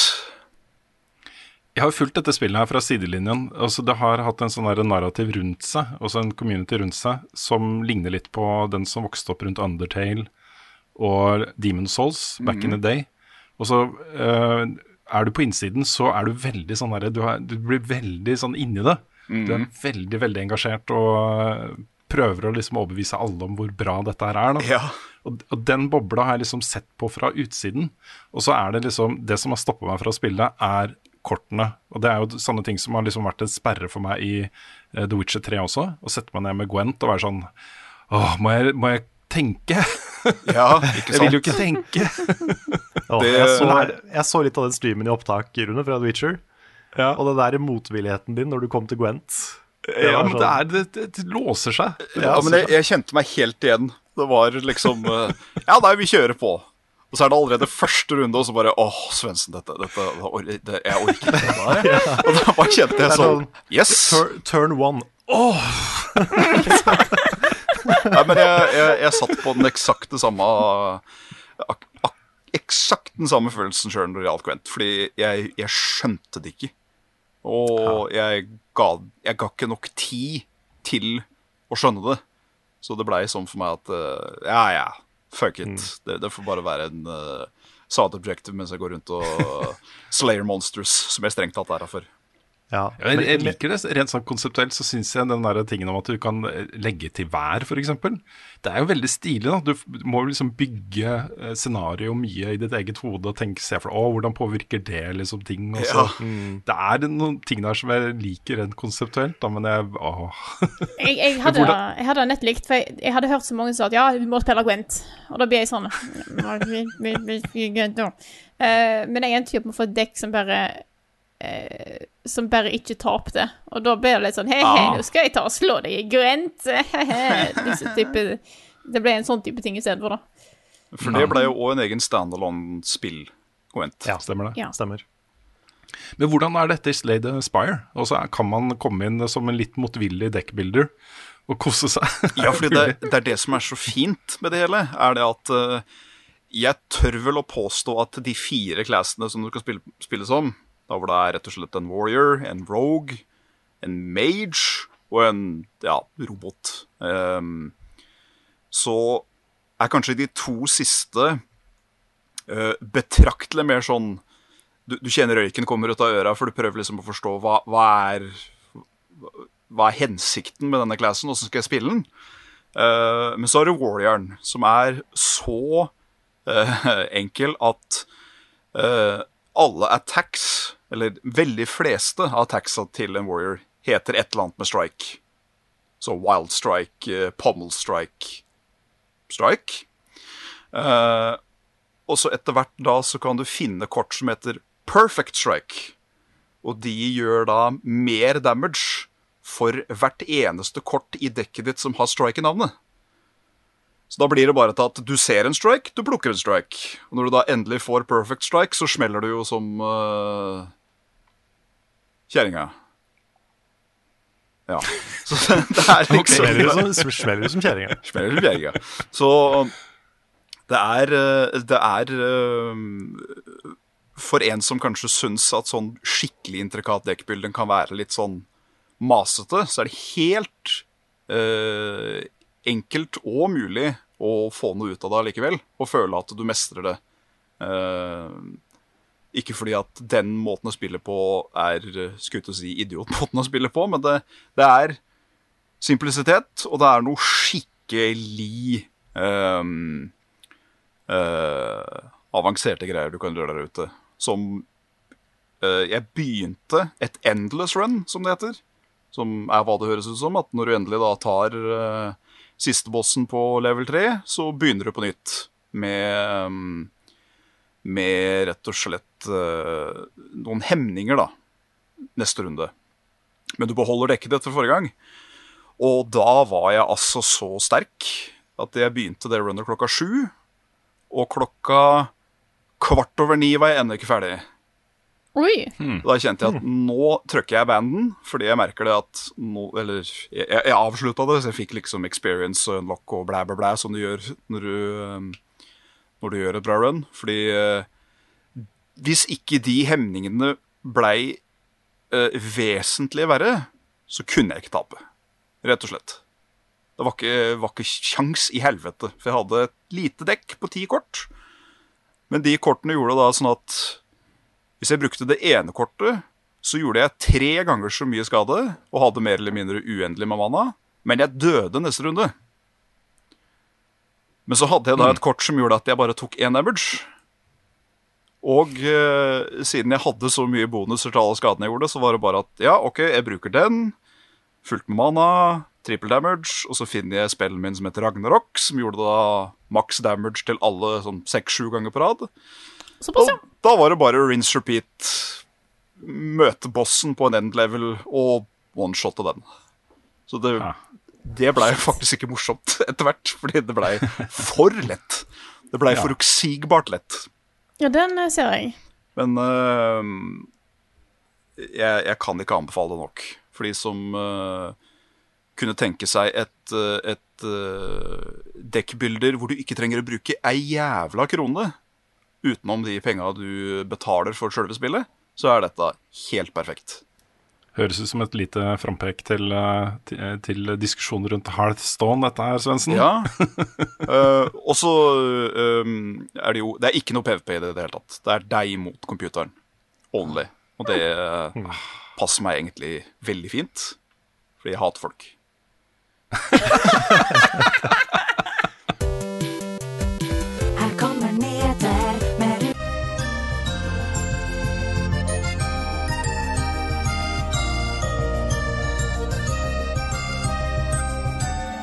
Der fikk vi jaggu en copyright claim på eh, spaltemusikken til eh, Martin, faktisk. Ja, det var rart. eh, Det var uh, pussig, det er en podkast. Men det er jo Dette Martin er- som har laga spaltemusikken for oss. Det er vår, det er vår musikk. Det er vår musikk. Det er vår musikk.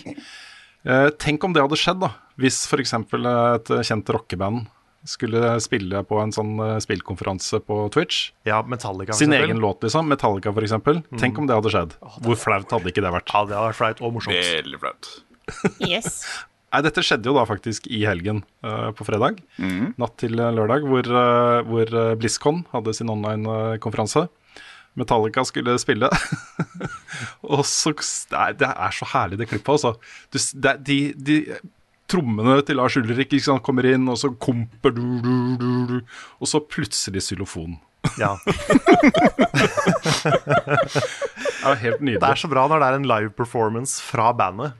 Ja. Ja. Det er, og så er det veldig gøy å se for seg da hvis det nå, kommer en, hvis det nå skal være, bli streama en xylofonkonsert, så putter du inn Metallica der isteden. Åh, det hadde vært morsomt. Det er jo, jeg har hørt noen rykter om at, uh, at um, uh, hvis det er sånn at artister skal fremføre noe, sitt eget materiale på Twitch, så må du gjerne si fra flere måneder i forveien om at det skal skje, sånn at de rekker å gi beskjed til algoritmene sine om å holde seg unna. da. Um, men uansett, da. eh, Blizzard, har jo fjerna, det segmentet fra Twitch. Men det ligger da heldigvis uh, ute på YouTube, for der gikk det jo uh, rett gjennom. Um, det ble jo streama der også. Men OK. Vi har hatt en uh, BlizzCon uh, online. BlizzConline. Jeg, jeg, jeg liker ikke det navnet. BlizzConline. Nei, det er, det er ikke så sånn- catchy. Nei. Nei, det er ikke så catchy som det ser ut som når du skriver det, syns jeg. BlizzConline, s- ja, ja. ja, ja, ja.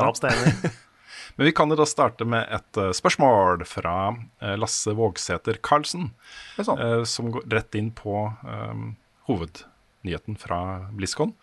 Diablo 2 Resurrected har blitt annonsert. Har dere spilt Diablo 2, og hva er deres beste minne fra det i så fall? Hva ser dere frem til med remasteren? Mitt beste minne derfra det er at jeg levelet opp min Barbarian og visste ikke hva jeg dreiv med overhodet. Um, det er ikke noe som heter respec eller noe sånt i, i gamle Diablo 2. Så har du putta på et uh, talent point, som er det du får hver gang du leveler opp, så er det for life. Og jeg var så ubrukelig uh, veldig tidlig uh, at jeg Jeg ante ikke hva jeg gjorde for noe feil. Um, for sjøl vanlige fiender bare var sånn Nei, nei, nei, det er ikke snakk om. Det er ikke snakk om å drepe. Uh, så så det, var, det, var, det, var, det, var klok av skade rett etterpå. Men det var også veldig gøy, for da var det sånn Det gikk veldig opp sånn aha når jeg hadde Mm. gjort det galt. Så når jeg da lagde min andre character, som var en necromancer, så var det bare å måke på og ha litt i huet hvilken eh, path man skulle gå. Jeg mener å huske at folk har snakka om at de har gjort lignende type feil i Diablo 3. Kan det stemme? At de starter ut på liksom helt feil path, og så respekker, og så starter på nytt. Og får en mye smoothere opplevelse. Eller tar jeg feil nå, Svendsen? Jo Nja, jo. Um, for der har du jo alle abilitiesene mens du leveler opp. Ehm, Eller når du leveler opp, så får du en ability, og da kan du bytte til den når du vil. Ehm, så det blir jo litt sånn uh, trial and error. Se hva som funker. Eller så blir det sånn uh, sånn eh, sånn guide-hore, som jeg blei på Diablo 3, og bare fant liksom en eh, guide. Og den, denne er veldig bra for denne sesongen. Og så, å ja, ok, følger jeg den. Prøver å få litt fingerspitzgefühl i, i fingra, og så ja, ja, ja, ja topp stemning. Altså, Diablo 4 er jo på vei fortsatt, eh, sannsynligvis da ikke før i 2022 en gang. nyheten Nyheten fra BlizzCon var jo at eh, The Rogue blir introdusert Stemmer. i Diablo 4. Eh, men Diablo 2 er jo et utrolig sånn uh, bautautgivelse. En sånn uh, uh, viktig spill for veldig mange. Ja. Fordi den tok liksom konseptene i Diablo 1 og forfina det på en måte som gjør at folk spiller jo Diablo 2 den dag i dag. Veldig. Og det er uh, Syns jeg, synes jeg var gledelig å se da at eh, det de gjør med eh, Resurrected-versjonen, er rett og slett bare å legge et nytt skall på det som eksisterer. De skal ikke prøve å liksom reworke det spillet til å bli nærmere Diablo 3, f.eks. Du beholder liksom mange av de samme quirksa og ting, ting som uh, har på en måte blitt viktig med det spillet da, for folk. Uh, Eh, Jeg håper de Ja. gjør uh, Jeg håper de gjør sånn som eh, Åh, hva het de som lagde Demon's Souls-remaken? Blue Blue Point. Point. Blue Point, ja.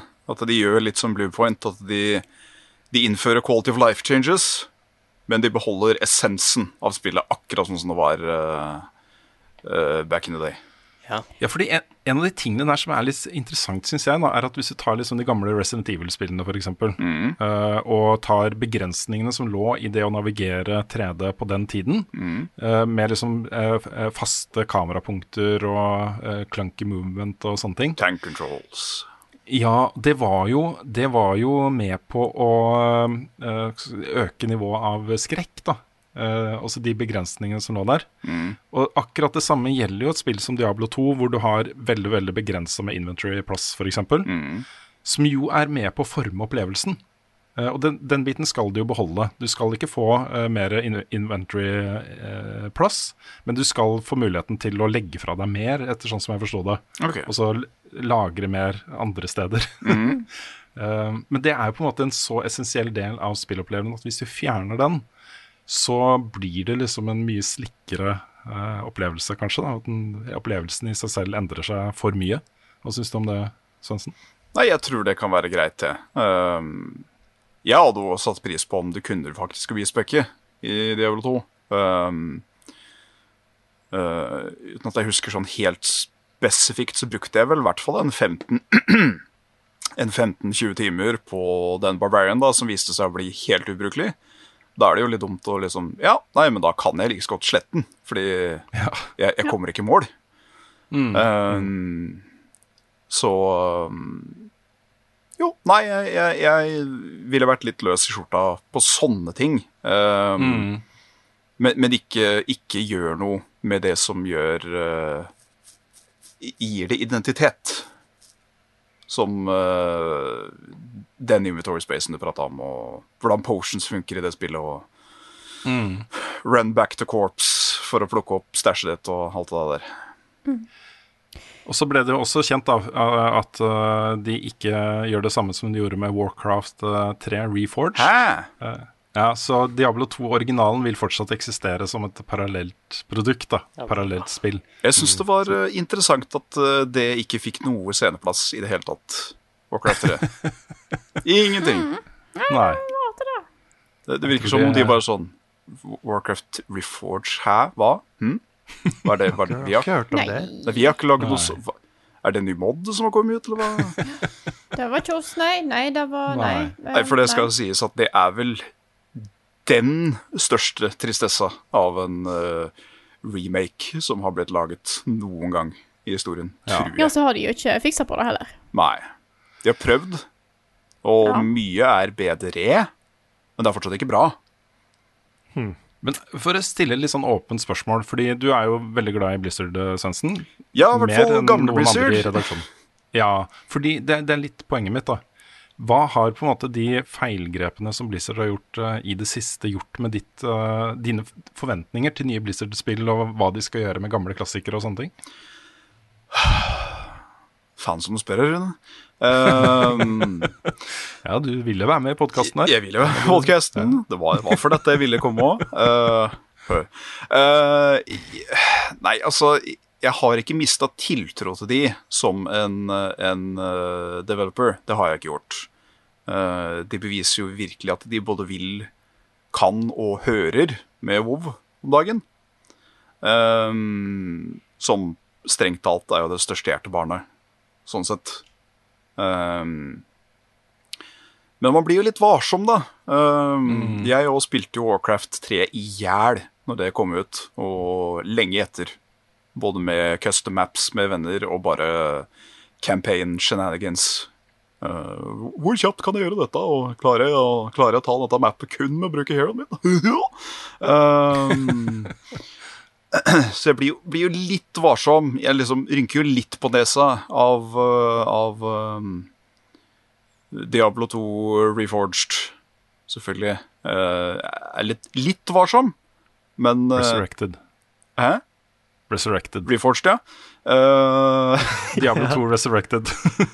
Diablo 2 Reforged. Så jeg, jeg er det Reforged? Nei, det er jo Nei, jeg bare kødder med det. Uh, så jeg håper jo ikke det blir en Reforged-situasjon, men jeg vil jo òg tro at de skjønner sjøl hva slags tristesse, tristesse um, de klarte å frembringe med Warcraft 3, med brytelser av løfter og ikke leve opp til mål, og det å lage den mest ustabile eh, plattformen for multiplayer noensinne. For det var jo opptil flere ganger når eh, det blei holdt turneringer og e-sportscener og sånn i Reforged, at klienten bare krasja. Hele spillet bare fullstendig krasja. Det var ikke noe sånn derre callback-data eller noe, så da måtte spill settes opp live på scenen, som kanskje var nettopp på vei til å øh, gjøres ferdig.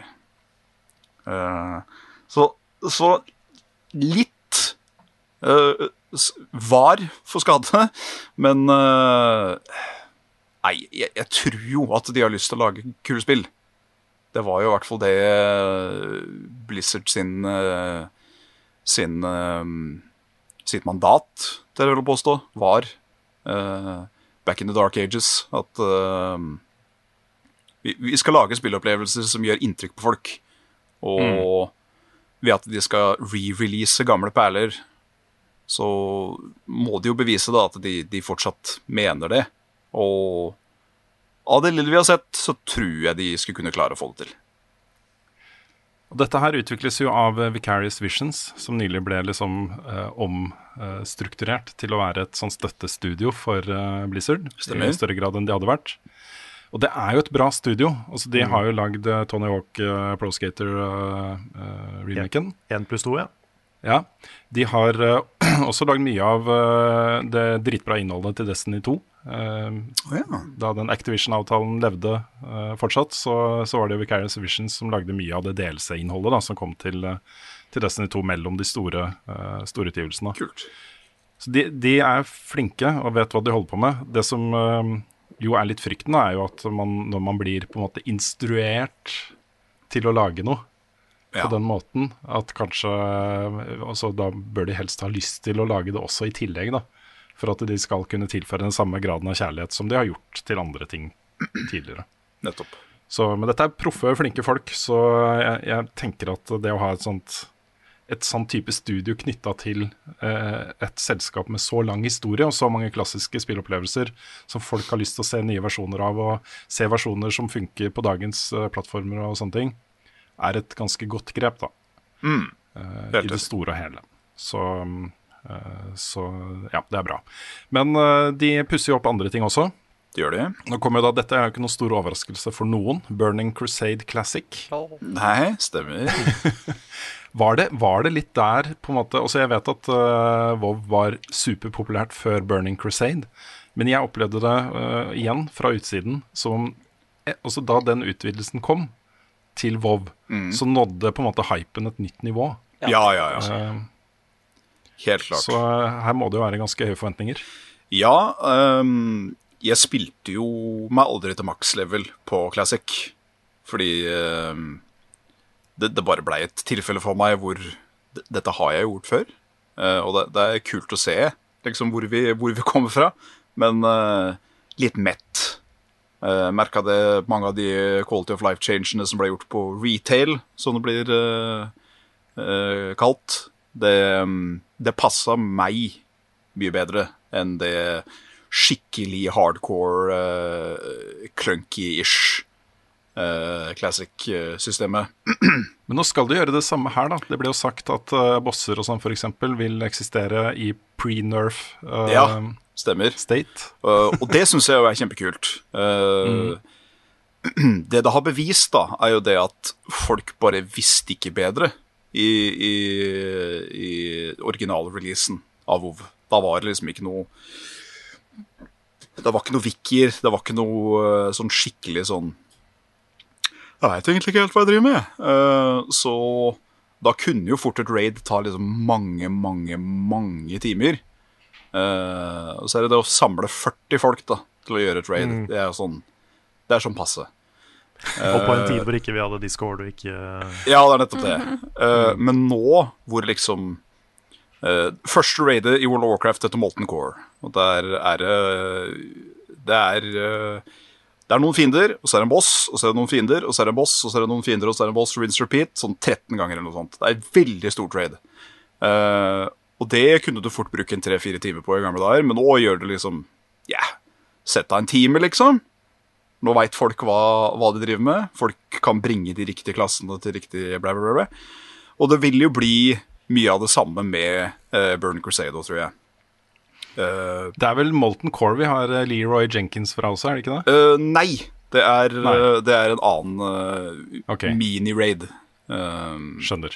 Det, er, det, det er samme stedet. Geografisk samme sted. All right. Um, og det var jo da jeg òg var skikkelig uh, gira på WoW, var når den expansion packen kom. Husker det uh, Skolen min, min videregående skole på den tida, uh, visste at den WoW-expansion kom uh, under, under en Altså på, på en skoledag. Så istedenfor da å vite det at nå kommer det til å være mange folk som skulker nå for å hente seg en kopi. Så blei langfri en halvtime lenger. Sånn at folk da kunne gå inn til byen, plukke opp en kopi, Wow. og så da være på plass igjen. Det er kult. Ja, det er var ganske kult. Og jeg hadde jo ikke mest å rutte med på den tida heller, uh, av naturlige årsaker. Videregående etc. Uh, så da tok faktisk da han, eh, han eh, store-clerken på Spaceworld og holdt av en Collectors Edition til meg og sa at eh, Oi, oi, oi. betal meg tilbake når, når du kan, du. Så det var eh, Det var det, det var en stor dag. Oh, til, før i tiden så hadde vi sånne spillbutikker, folkens. Alle? Ja. I Oslo så hadde vi jo Spiderman, Yes, sir. som var liksom du, du ble jo kompis med de folka som Ja. jobba der, ikke sant? Ble det? Sa Spiderman uh, For det fantes ikke i Tønsberg. Så Spiderman var jo død da jeg kom til Oslo. Nei, det er jo derfra vi har mange av de uh, hotte profilene i norske spillmiljø mm. i dag, med Jon Cato, med Magnus. Uh, Jarle var innom der. Sant? Uh, Kjell Gunnar, i, også Tilt Kjell Gunnar. Det er masse av de folka som eh, er liksom i norsk spillbransje, er, kommer jo fra det miljøet der. Ja. Men jeg har, jeg har et spørsmål, da. Ja. Hvor mange expansions kommer til WoW Classic før folk vil ha en WoW Classic Classic? Det godt spørsmål. Ja. Jeg er ikke overraska hvis de tar med uh, Wrath of the Litch King. Den er det jo mange som har som en favoritt. Ja. Det var, Det må jo komme. det var vel også Av subscriber-tall så tror jeg vel det er det høyeste WoW noen gang har vært, bortsett fra nå, tror jeg, i Shadowlands. Um, så det, det vil jo skje, vil jeg tro. Men Nick, du er jo også en WoW-spiller. Hva er ditt forhold til disse classic-utgivelsene? Det er fordi jeg liker at du kan eh, skille mellom servera, hvis du vil. At det liksom, Classic kommer ikke til å bli fjerna, da. Så, så hvis jeg plutselig har lyst på Classic, så kan jeg bare gå til den serveren og spille Classic. Eller jeg går til Burning Crusade og fortsetter der. ja, ok, Så de erstatter ikke Classic med Burning Crusade? Nei. Nei, Nei okay. Ja, det, da er jeg med. Og det syns jeg er kj- kjempelurt. For dette er jo det liksom Det er jo mange som liksom har laget sine egne servere før, ikke sant? men som har blitt skjøtta ned av Blizzard. Mm. Eh, så det at de faktisk liksom begynner å gjøre det selv nå, syns jeg er bare bra, liksom. Nei, og bare så lenge vi kommer til Litch King, så er det Da har jeg det jeg har lyst på, liksom. Selv om det er uh, fortsatt gøy å tenke på uh, under det ene BlizzCon eh, Q&A for en god del år tilbake, når det var noen som uh, foreslo nettopp det her, da. At uh, eh, kommer, kommer vi til å se uh, Classic-server en gang? Oh, ja, Da det er uten tvil så mange som spiller det på privatserver og sånt. Nei, det, det vil dere faktisk ikke ha. Nei. You think you want that, but you don't. Da var det der uh, disconnecten mellom, uh, mellom Suit Blizzard og fansen begynte å materialisere seg, kanskje? What? You guys don't have phones? Dere får ikke WoW Classic, but how about some Diablo on your phone? Yeah! Fordi jeg elsker å spille på telefon til å begynne med. Ja. Ja. Ja, men nei, eh, Burning Crusade er der jeg ble liksom ordentlig bitt av Volbasillen. Mm. Eh, jeg ble plutselig syk mange dager av og til. eh, Ja, ja, ja. Jeg kjenner meg igjen. det det er rart, det der. Ja, eh, jeg på å si, skolen min var ikke så kul at vi fikk litt lengre fri for å skaffe spillet, så jeg ble plutselig syk da den dagen òg. Det var helt Ja. Jeg synes sånt bare skjer helt ut av det blå, altså. Ja, og det har blitt en sånn refleks senere at det bare, ja, nå kommer en nytt fallout, men nå, har jeg nå begynner jeg faktisk å bli litt syk. Er det fordi kroppen gjør seg klar til å spille spillet, liksom? Ja. At det er en sånn evolusjonsgreie. Men nei, jeg, av alle de expansion-packene som det kunne liksom dukke sine egne servere på, så er det Burning Crusade jeg har mest lyst til, da, siden det var der jeg ordentlig Jeg, jeg syns disse Dranane, disse nye rasene, så så kule ut. Så bare ja, lager vi en super paladin der. Og det var, da, det var det jeg levela opp til topp første gang. da Yeah. så det blir kjempegøy. Og det blir også veldig gøy å gå i de byene igjen, og det faktisk er folk der. Det er også en annen ting. Ja. For det, de brukes ikke så mye i eh, det vanlige WoW akkurat nå. Skjønner ikke. Ghost Towns, liksom. Ja. ja. Altså, så det, Vi, må, vi, må, vi må litt eh, videre her også, fordi det er så mange nyheter. Men Kjør eh, på. vi, vi kan jo ta, eh, fortsette litt på Vov. fordi eh, eh, måten Blizzard nå snakker om denne Chains of Domination-patchen til Shadowlands, er litt sånn derre det, er er store ord de kommer med. Ja. Er dere, er dere gira? ja, fordi nå, nå er det nok. I, den, I denne historien der, nå er det nok. Så skal vi holdt jeg på å spoile hvem som er skurken, men nå skal vi, nå skal vi ta av. Ja. ja da, jeg, jeg, jeg nevnte innledningsvis før vi begynte podkasten at jeg er litt ferdig med hype. At jeg blir liksom ikke ordentlig hype av ting lenger. Jeg bare lar ting skje. Uh, har liksom Elden Ring i bakhuet, men har ikke noe fast på det, så da eh, Whatever. Det, en eller annen gang blir det jævlig kult. Kjempebra. Topp stemning. Uh, men liksom det øyeblikket omtrent den Cinematic begynte å spille, så var det sånn Åh! Åh! Shit, du, pommes frites! Uh, Your body is ready. My body was very ready at that point. For uh, det, det Fuck, altså. Uh, jeg veit at Carl sverger sin, sin sjel, i hvert fall når det gjelder MMO, så går det til Final Fantasy 14.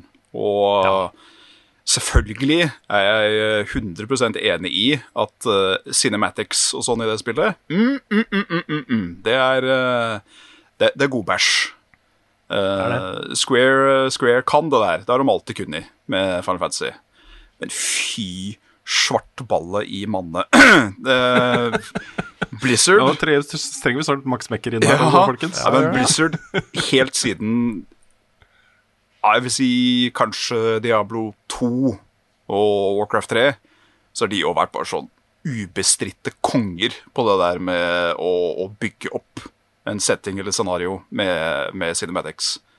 Mm. Uh, og de i Ja, hvor mange expansion pack er det, ja? Det husker jeg ikke. Men da, fall, da begynte de å bruke den in game-motoren til å lage noen skikkelige hissige uh, cutscenes. Ikke bare sånn super eh, CGI som koster 440 millioner for 30 sekunder. Og det er bare Åh, det er så, det er så forseggjort! Det var jo en sånn type cinematic som ble vist for Chains of Domination. Og ja, de, de fikk det til den gangen òg, gitt. Jeg er eh, generelt ganske imponert over det, det grepet som Blizzard har på MMO-sjangeren. Mm. Fordi det har jo ikke mangla på utfordrere, og folk som tenker at ok, er det så mange som har lyst til å spille MMO-spill? Den kaka har vi lyst til å ha en bit av, liksom. Mm. Så kommer de, og så er det noen da som har klart å etablere seg på et uh, visst nivå under WoW. Um, og i nyere tid kanskje et par stykker som har klart å klatre enda litt nærmere det tallet. Kanskje særlig Fine Fancy 14 og uh, mm. Black Desert Online hadde jo massevis av har massevis av subscribers, særlig i Asia. Mm.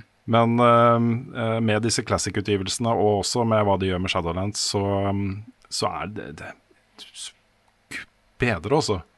Så flinke de har vært med sjangeren. Alle husker, og har grep om den, liksom. Ja, alle husker vel farsåten uh, Å, dette blir det neste WoW-killeren. Mhm. Når det kom et nytt uh, eh, MMO på, på, banen. Og ja, ja. nå er det vel to av de MMO-ene som fortsatt lever. Og mm. begge to er uh, free to play-modeller, så jeg vet ja, ikke. Nei. Men all right. Et uh, par siste nyheter fra BlizzCon før vi går videre til andre nyheter. Uh, og vi har jo uh, snakka mye om classic modes og sånne ting. Classic-versjoner. Hearthstone får en classic-versjon, ja. Svendsen. Stemmer det? og så fra den aller første, altså fra før de begynte å utvide med nye decks og nye kort og masse greier, liksom. Yep. Hva tenker du? Nei, altså øh, Det var jo mange av de korta der som rett og slett blei skutt si, putta i, i, i, i, The Volt fordi de var uh, enten for bra eller blei, blei. blæ. Uh, og nå kan jo de folka som har ødelagt de korta for å få mer dust til å kjøpe andre kort, kan sikkert bite seg litt i ræva med at fuck! Fuck! Å, nå hadde Ragnarås vært fin å ha. Ja. Skaffe det på nytt, da. Uff. Nei takk. uh, men den, den, andre modusen som kommer, den er jeg litt spent på. Uh, ja, det er en strategi-RPG-mode som kalles Mercenaries. Ja. Uh, det var noen som hadde sagt at det, det var litt sånn Heartstone møter Slade Spire aktig Med at du da får sånn branching paths og sånn på encounters. Uh, uh, noen streamers sa at ja, hørtes litt sjenerøst ut å kanskje kalle det det, men uh, det, det, har potensial. Jeg, jeg vil jo mm. ha mer PVE, altså player versus environment, i disse kortspillene. så Litt nærmere Slade Aspire? Ja. Absolutt. Så kommer jo selvfølgelig til å give it a shot, hvis det ikke koster altfor mye penger. Men uh, ja. Det blir artig å se. Det kommer også en ny DLC da, selvfølgelig til Heartstone. Det blir en sånn tredelt uh, framtid for det spillet der. Yes, sir. Classic og ny DLC og så på en måte det spillet som eksisterer i dag. Da. Yes. Og en helt ny mode. Så um, eh, turer videre. Et annet spill som mange gleder seg til, er selvfølgelig Overwatch eh, 2. Og det var jo rykte på forhånd om at eh, det skulle bli eh, ikke utsatt, men at det ikke ville komme i, eh, i 2020. Mm. Én. og det samme gjelder jo eh, Diablo 4. Det ble nå bekrefta på eh, BlizzCon at eh, det ikke kommer i år. Ja. Men de viste jo ganske mye video fra det, som så heftig ut, altså. Mm. Så um, de er nok uh, i rute der, vil jeg, vil jeg tro. De, har nok en, uh, de har nok en solid plan som de jobber på. All right. eh, Er, er vi ferdige med BlizzCon? Er det noen som har lyst til å legge til noe? Ja, nå, nå går jeg og legger meg. ja. Ja. Er, er Blizzard friskmeldt, folkens? Friskmeldt. Med tanke på rykte og Ja, de feilgrepene som eh, Også den eh, eh, Hva skal man si Gapet mellom hva de kommuniserer og hva de lager med Warcraft eh, 3 Reforged. Ja, jeg, jeg ser til min høyre her, og da ser jeg en, da ser jeg en Wrath of the Litch King-plakat med Vær varsom-plakaten rett under. Eh, så ja. jeg, Ja! jeg, jeg har trua, men de må jobbe litt for å være der de en gang var. Ja. Det blir eh, spennende å følge med på. Yes. Det er jo lite som er, som er løst, sånn sett. Det er jo all, Alt den dritten som har skjedd med Blizzard, har jo på en måte fortsatt skjedd. Og det er ikke så mye av det som har blitt rydda opp i. Nei, altså et, det største problemet de har, føler jeg, da, det er uh, firmakultur. Eh, og det kan jeg sitte på utsiden og bare uh, synse om. Da. Jeg vet jo ikke hvordan det er å jobbe i Blizzard. Men det vi vet, er jo at de betaler eh, sine ansatte dårligere enn konkurrerende selskaper. Vi vet at mange av de originale eh, storhetene fra Blizzard, eh, eh, Blizzards gullalder har slutta å lage egne selskaper og sånne ting. Så det skjer jo åpenbart ting i det selskapet som bryter litt med det bildet som de har brukt veldig mange år på å bygge opp. Ja. Av liksom verdens beste arbeidsplass, og de lager verdens beste ting, og kvalitet i høysetet, og vi slipper ingenting før det er så polert at uh, vi ikke trenger å engang fikse noen ting fordi det er ferdig, liksom. Og det er et rykte de har brukt veldig lang tid, da, og mange utgivelser på å liksom befeste. Uh, og det er ting som skjer nå i det, det, nyere tid, som uh, rokker litt ved det ryktet. Det syns jeg er en litt sånn skummel utvikling Ja. for et så elska selskap. Det er det. Uh, det er klart at det er ikke den det er ikke den tight-bonda buddy-buddy-gruppa som tilfeldigvis også lagde veldig bra spill. Back in the day. Da var det jo liksom en håndfull Da var det et par dusin folk som jobba hardt og bare cranka ut perle etter perle. Men nå er det jo liksom Skulle du si et skikkelig big ass fuckings AS med mange hundre ansatte. Og selvfølgelig storebror Activision som uh, Jeg syns det lukter noe Jeg syns det lukter eh, Jeg synes det lukter penger her, jeg. Så da, da Ja, På toppen der sitter jo Bobby Cobb med mange hundre millioner kroner i året i, eh, i land. Vi nevner ikke det navnet her i dette hus. Nei. Så det Det, det, er det som tenker på han under pandemien? Har han nok penger? Ja. Å nei, jeg måtte pantsatse den ene yachten min ut av 13. Ja. Ja, du skal tenke på oss bolighaier. Og på den eh, oppturen og positive noten, så går vi videre, folkens. Og nå har det da vært eh, denne her Elden Ring-konferansen, har jo allerede vært. Og den har vi snakka om tidligere. Jeg har alltid fiksa Elden Ring der, ja. Ja, den handlet jo, Det var en halvtime med gameplay fra Elden Ring. Ja, og bare det. Uh, ja, Men det har jo kommet en del andre Sony-nyheter som jeg ikke vet da om de snakker om der, så jeg bare nevner de kjapt her, uh, som er litt interessante. Og Det var da Jim Ryan, som er toppsjef for PlayStation-merkevaren til Sony. Kan jeg bare si en kjapp ting? eh, som, ja. Nå var jeg på vei til å bli oppriktig sint på at jeg ikke hadde fått med meg en Elden Ring-konkurranse. Jeg skulle beklage med det. Og så fort kunne hypen brygges bringes tilbake. Altså. Ja. Elden Every time you think you're out, they pull you back in. Har kurert uh, Svendsen sin mangel på hype. Det, det er for seint nå for alle som hører på, da, men jeg anbefaler dere eh, fire andre lyttere av denne podkasten akkurat her og nå til å gå inn på eh, subredditen Elden Ring akkurat nå, og, se, og se hva de tenker om eh, State of Play-konferansen som kommer i kveld. Det er veldig morsomt. Det er veldig morsomt. Sorry, digresjon. ja. Men all right. eh, han gjorde da, Jim Ryan gjorde et intervju med GQ, mannemagasinet GQ, hvor han da avslørte at det kommer nå en ny versjon av PlayStation VR til PlayStation 5. Med høyere oppløsning, bedre motion tracking og også DualSense-funksjonalitet i, i de kontrollerne som vil komme til den her. Det vil også være en, øh, bare én enkelt kabel som kobles til PlayStation 5, og så skal det funke. Nice. Så Men den kabelen går fortsatt inn i headsetet?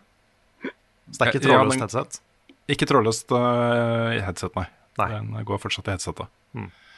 Og det er øh, Ja. Det, det er jo ikke helt i mål før det er helt trådløst. Nei, det er noe med det. Jeg Ja. brukte jo uh, Viven en del. Og de tre kablene som stakk ut av hodet mitt, de var litt i veien. Men det er sånn jeg har testa litt den der Oculus Quest 2-headsetet. Mm. Som du kan ha trådløst. Men det den gjør der, at det da bruker noe eh, prosessorkraften i selve headsetet til, eh, til eh, å tegne disse VR-verdenene Mm. når du har den trådløst. Og da blir jo oppløsninga mye mye lavere enn om du kobler den fysisk til PC-en mm. og bruker PC-en din som, til å kjøre spillene. Så det er mulig at det er et eller annet der som gjør det vanskelig å Ja, det er nok, det er nok der det ligger. Ellers, Mm. Hvis ikke du kan koble til PlayStation 5, så får du ikke noe av krafta til PlayStation 5. Ikke sant? Så det gir jo mening. Eh, de har også, eller Jim Ryan snakka også om at Days Gone nå kommer til PC nå i våres, og at de også skal gi ut en rekke eh, ikke-spesifiserte eh, eh, spill, PlayStation-spill, til PC. Og da har vi fått et spørsmål fra Blackmarsh på discorden vår. Eh, som uh, er som velger. PlayStation har røpet at det kommer masse PlayStation-spill på PC framover. Kan dere trekke fram tre favoritter som dere, dere håper kommer på PC, parentes, utenom Bloodborne? Da vil jeg gjerne få nominert Blødburn Ja, for jeg hadde si, jeg hadde tenkt å si Bloodborne tre ganger. og Bladburn. Bloodborne. Ja. Bloodborne Blackburn er 60 fint. Ja, fransaft. Ja, tenk det. Nei, men det er jo, jeg, jeg tror jo at de fleste av de store store PlayStation-spillene kommer til å komme på PC nå. Eh, Da, da, sånn Demon Souls, jeg tror det kommer til PC, og håper det gjør det. Eh, God of War, Ghost of Tsushima, det er mine tre. da, topp. Det er de jeg har mest lyst til å spille på PC. Men også sånne ting som Uncharted og The Last of Us og Gran Turismo. Ja. ja, for du, På- du, tror ikke, du tror ikke PlayStation kommer til å ville beholde noen? De trenger ikke å gjøre det, tenker jeg da. De trenger ikke å gjøre det, fordi det er et annet publikum. Og, så jeg tror nok de beholder den derre si et år cirka, da. Eksklusivitet på PlayStation. Um, og så slipper det på PC. Tror jeg bare er en win-win-situasjon for det, altså. Ja. Fordi jeg kan jo skjønne på en måte uh, Horizon, da, som nå får en oppfølger på PlayStation. Da gir det mening å slippe eneren på PC. Fordi hype. Og eh, Persona 5, med tanke på Persona 5 Strikers. Mm. Ja. Ja. Mm. Hva er deres uh, favoritt? Hva er det dere har mest lyst til å spille på PC? Det er da, det er da liksom utenom at uh, eh, Jeg får prø først prøve å finne ut hva spill er det som er på PlayStation 4, uh, som er eksklusive der. Og jeg innser at veldig mye av de har jeg såpass mange Jeg har så gode opplevelser fra de der at jeg føler ikke jeg trenger å spille igjen på PlayStation Nei, på PC. Ja, det er akkurat det. Mm. Men for deres del så vil jeg jo veldig gjerne at Bloodborne skal komme til PC. 60 FPS confirmed. Yes. For det er, det er jo et spill som trenger en PC, på en måte. ja. Og det er derfor vi har så lyst på det. Ja, Um, det er helt sant. Men um, hadde det Tenk deg randomizer i Bloodborne, da. Åh, Ja. Det er akkurat det jeg har lyst på. Og hadde det, mm. det hadde vært kult å ha fått en uh, God of War uh, med mods, f.eks. Mm. Mye gøy du kunne gjort der. Kanskje bytta ut uh, Atreus med Thomas-toget. Jeg så noen som hadde laget et bilde hvor, eh, hvor du hadde Kratos var en stor Yoda, og Atreus var en liten Yoda. Nice. fantastisk. Nice. Så nei. Men det, det, det blir eh, Jeg er spent. Jeg er spent på hva de gjør der. Eh, siste nyheten han slapp, var jo at Gran Turismo eh, er da utsatt til neste år. Det skulle jo komme nå i år, men pga. korona så er det utsatt eh, til neste år. Ikke noe ikke Og så til neste nyhetssak. Nei. Um, og så da til neste nyhetssak så tenkte jeg å uh, kjøre et lite quote fra uh, Monty Python til å uh, bygge opp uh, saken. Um, jeg må ta det på engelsk. This game is no more. It has ceased to be. It's expired and gone to meet its maker. This is a late game. It's a stiff, bereft of life. It rests in peace. If you had nailed it to the perch, it would be pushing up the daisies. It's rung down the curtain and joined the choir invisible. This is an X-game. Hvilket spill snakker jeg om, folkens? Anthem. Anthem. Anthem er eh, nedlagt. Det er, de har stansa utviklinga. De serverne som er opp, åpne nå, med det spillet som fortsatt er spillbart, eh, vil leve videre i, på ubestemt tid. Jeg tipper ikke det tar så innmari lang tid før de serverne stenges. Men eh, det arbeidet de gjorde da med å lage en ny versjon av Anthem, en Anthem 2.0, eh, er blitt vurdert og veiet og funnet for lett. Den skal de ikke fortsette med.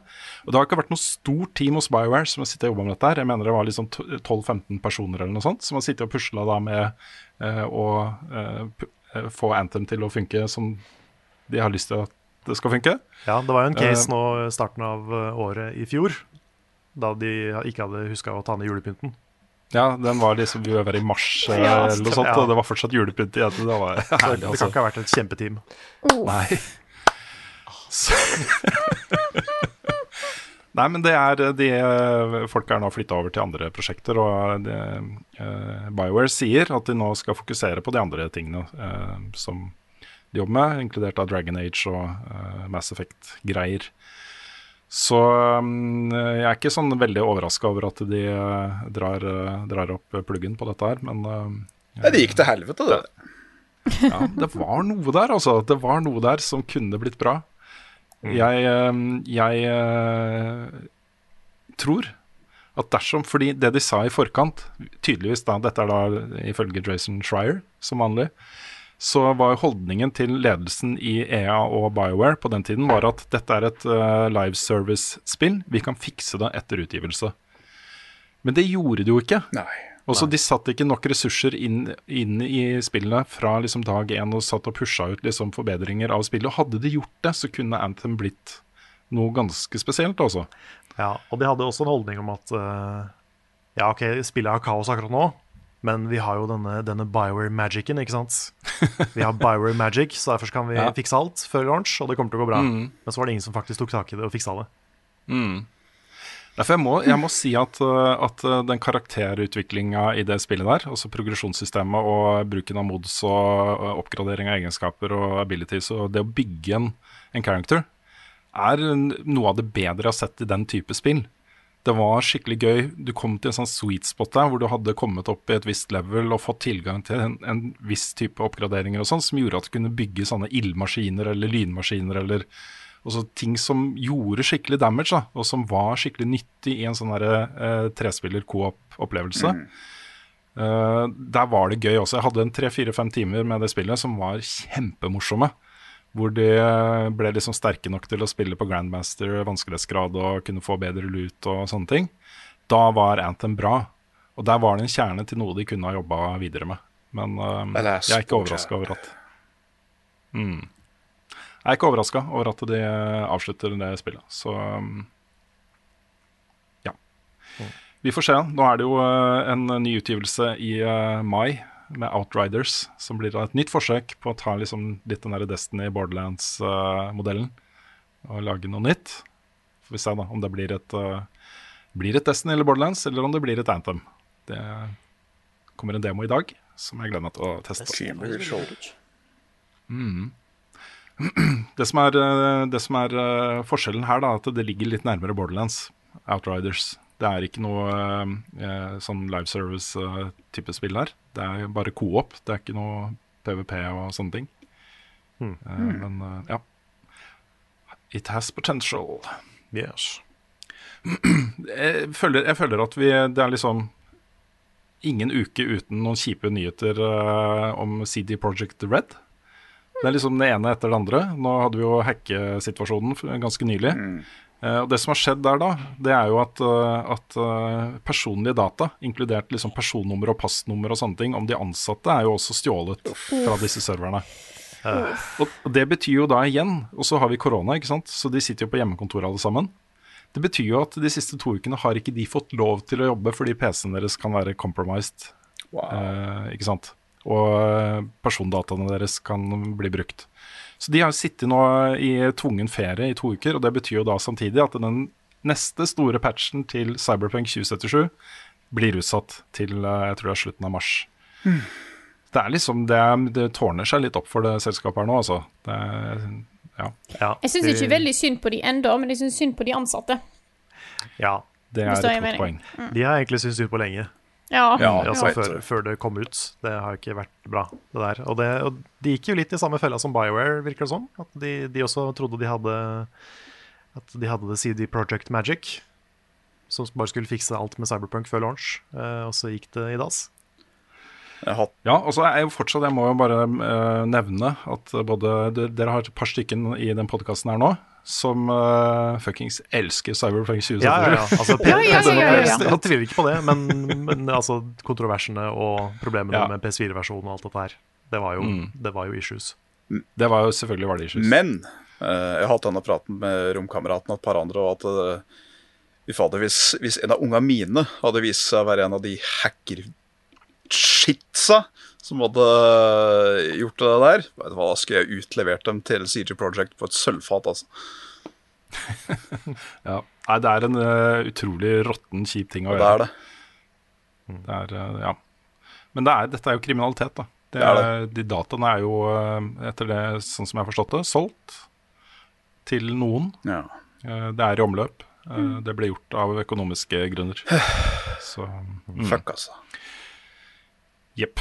Eh, Et annet spill som er i eh, seriøse problemer om dagen, er jo Vampire the Masquerade Bloodlines 2. Oh. Nå er eh, utviklingen av det spillet stanset. Det er jo Hardsuit Labs som satt og jobbet med dette her.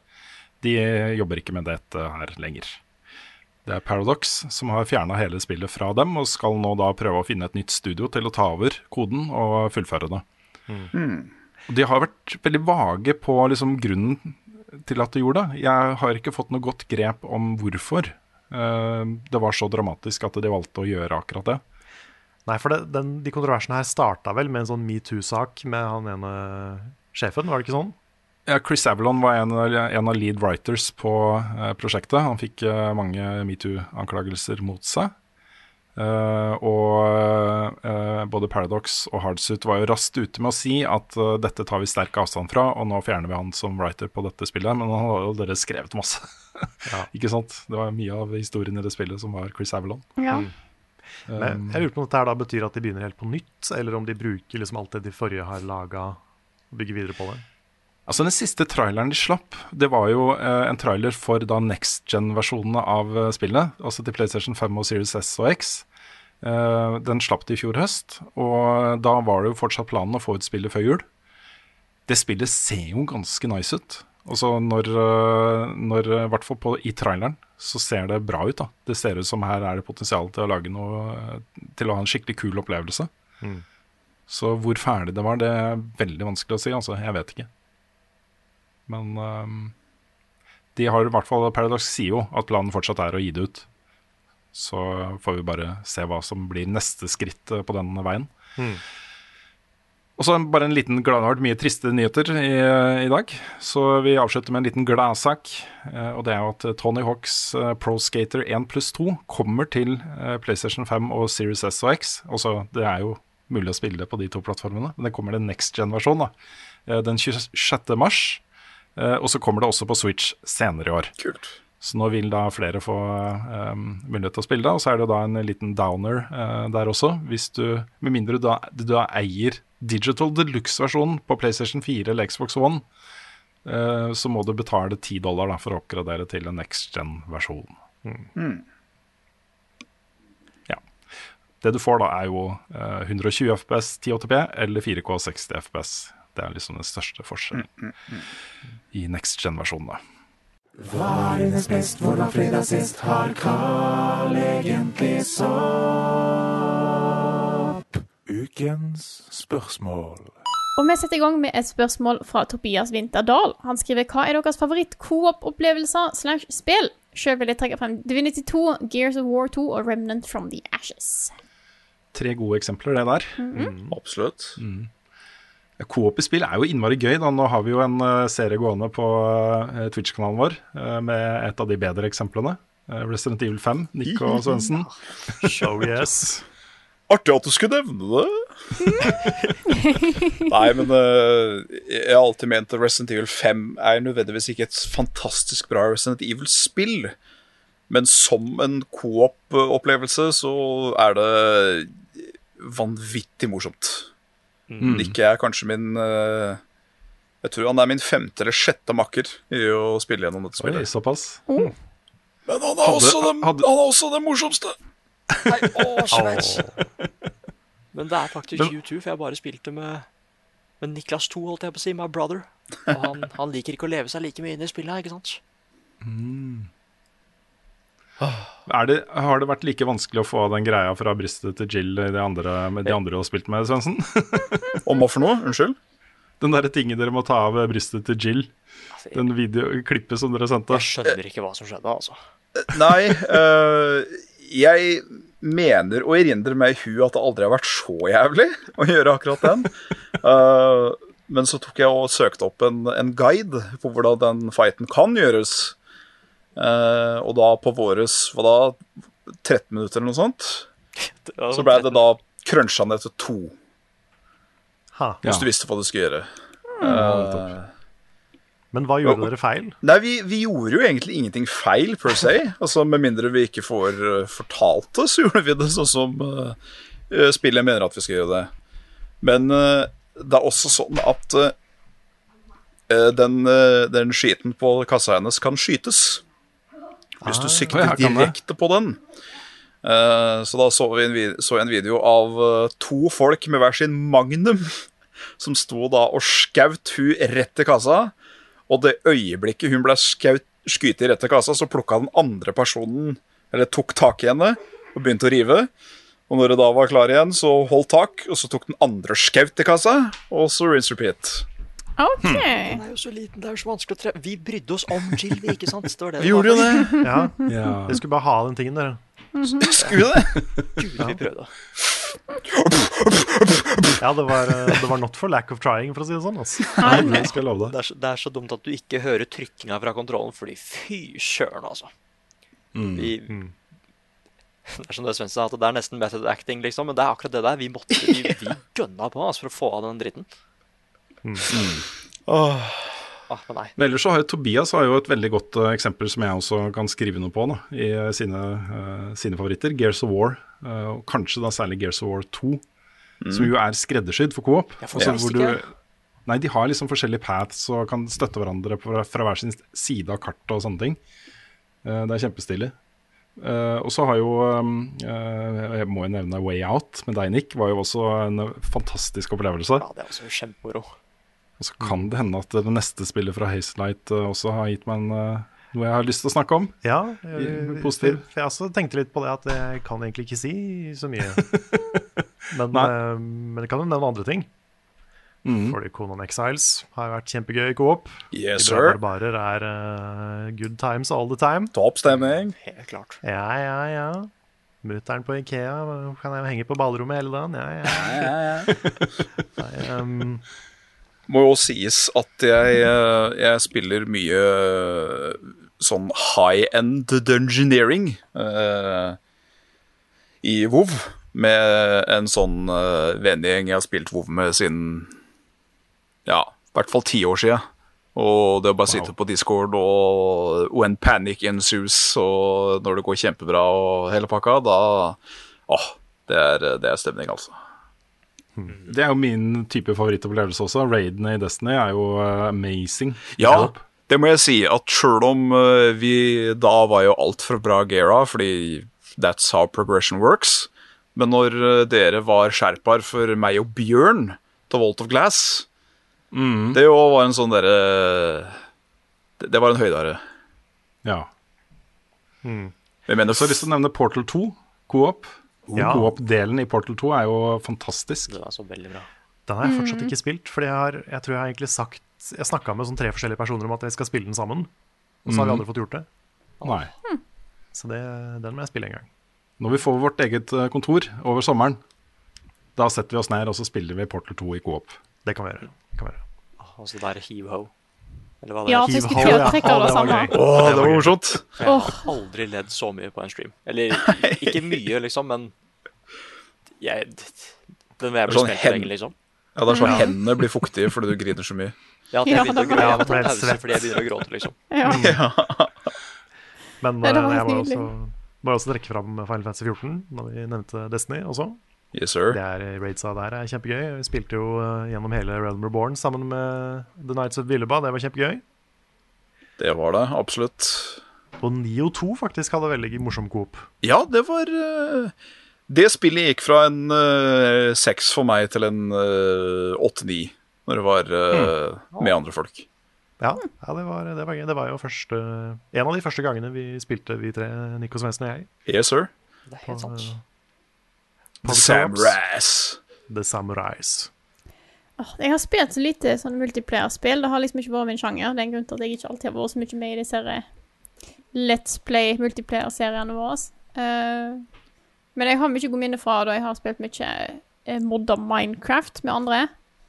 Og Med felles uh, server. Da var det knall. Minecraft med ungene mine, vet du. Det var coop-opplevelsen sin. Ja, Mm. Minecraft, multi-hardcore med folk, det var gøy. Ja. Terraria. Åh, ja, Terraria òg er kjempe, kjempe Og eh, selvfølgelig Smash! Ja, Ja. Smash, ja! Det, Smash. Men telles det som coop? det er multiplayer, da. Ja, Ja, ja, ja. Men jeg har faktisk spilt eh, Mario Kart som coop. Eh, ikke, nå snakker jeg ikke om Double Dash her, for da er jo coop eh, eh, Mario Kart. Men eh, når vi har prøvd å unlocke ting eh, og gjort alle disse her missions eller på en måte cupene, du skal få førsteplass i alle, eh, så hadde jeg og Petter en periode der vi spilte mye, eh, mye Mario Kart. Og da var det den som kom for førsteplass på første banen, den skulle liksom Den andre skulle hjelpe han med å få førsteplass på de andre. Mapsa i tillegg, da. Så, så det var på en måte Det var sinnssykt hard konkurranse første map, og så var det om å gjøre på en måte OK, hvordan kan vi holde resten av de ti andre eh, A-ene away? Så det var en eh, litt annerledes, men en kul måte å gjøre det på. Jeg hadde en eh, variant av det der med faren min. For han uh vi, spilte ikke så mye sammen, men akkurat Mario Kart 64 det var han ganske med på å spille.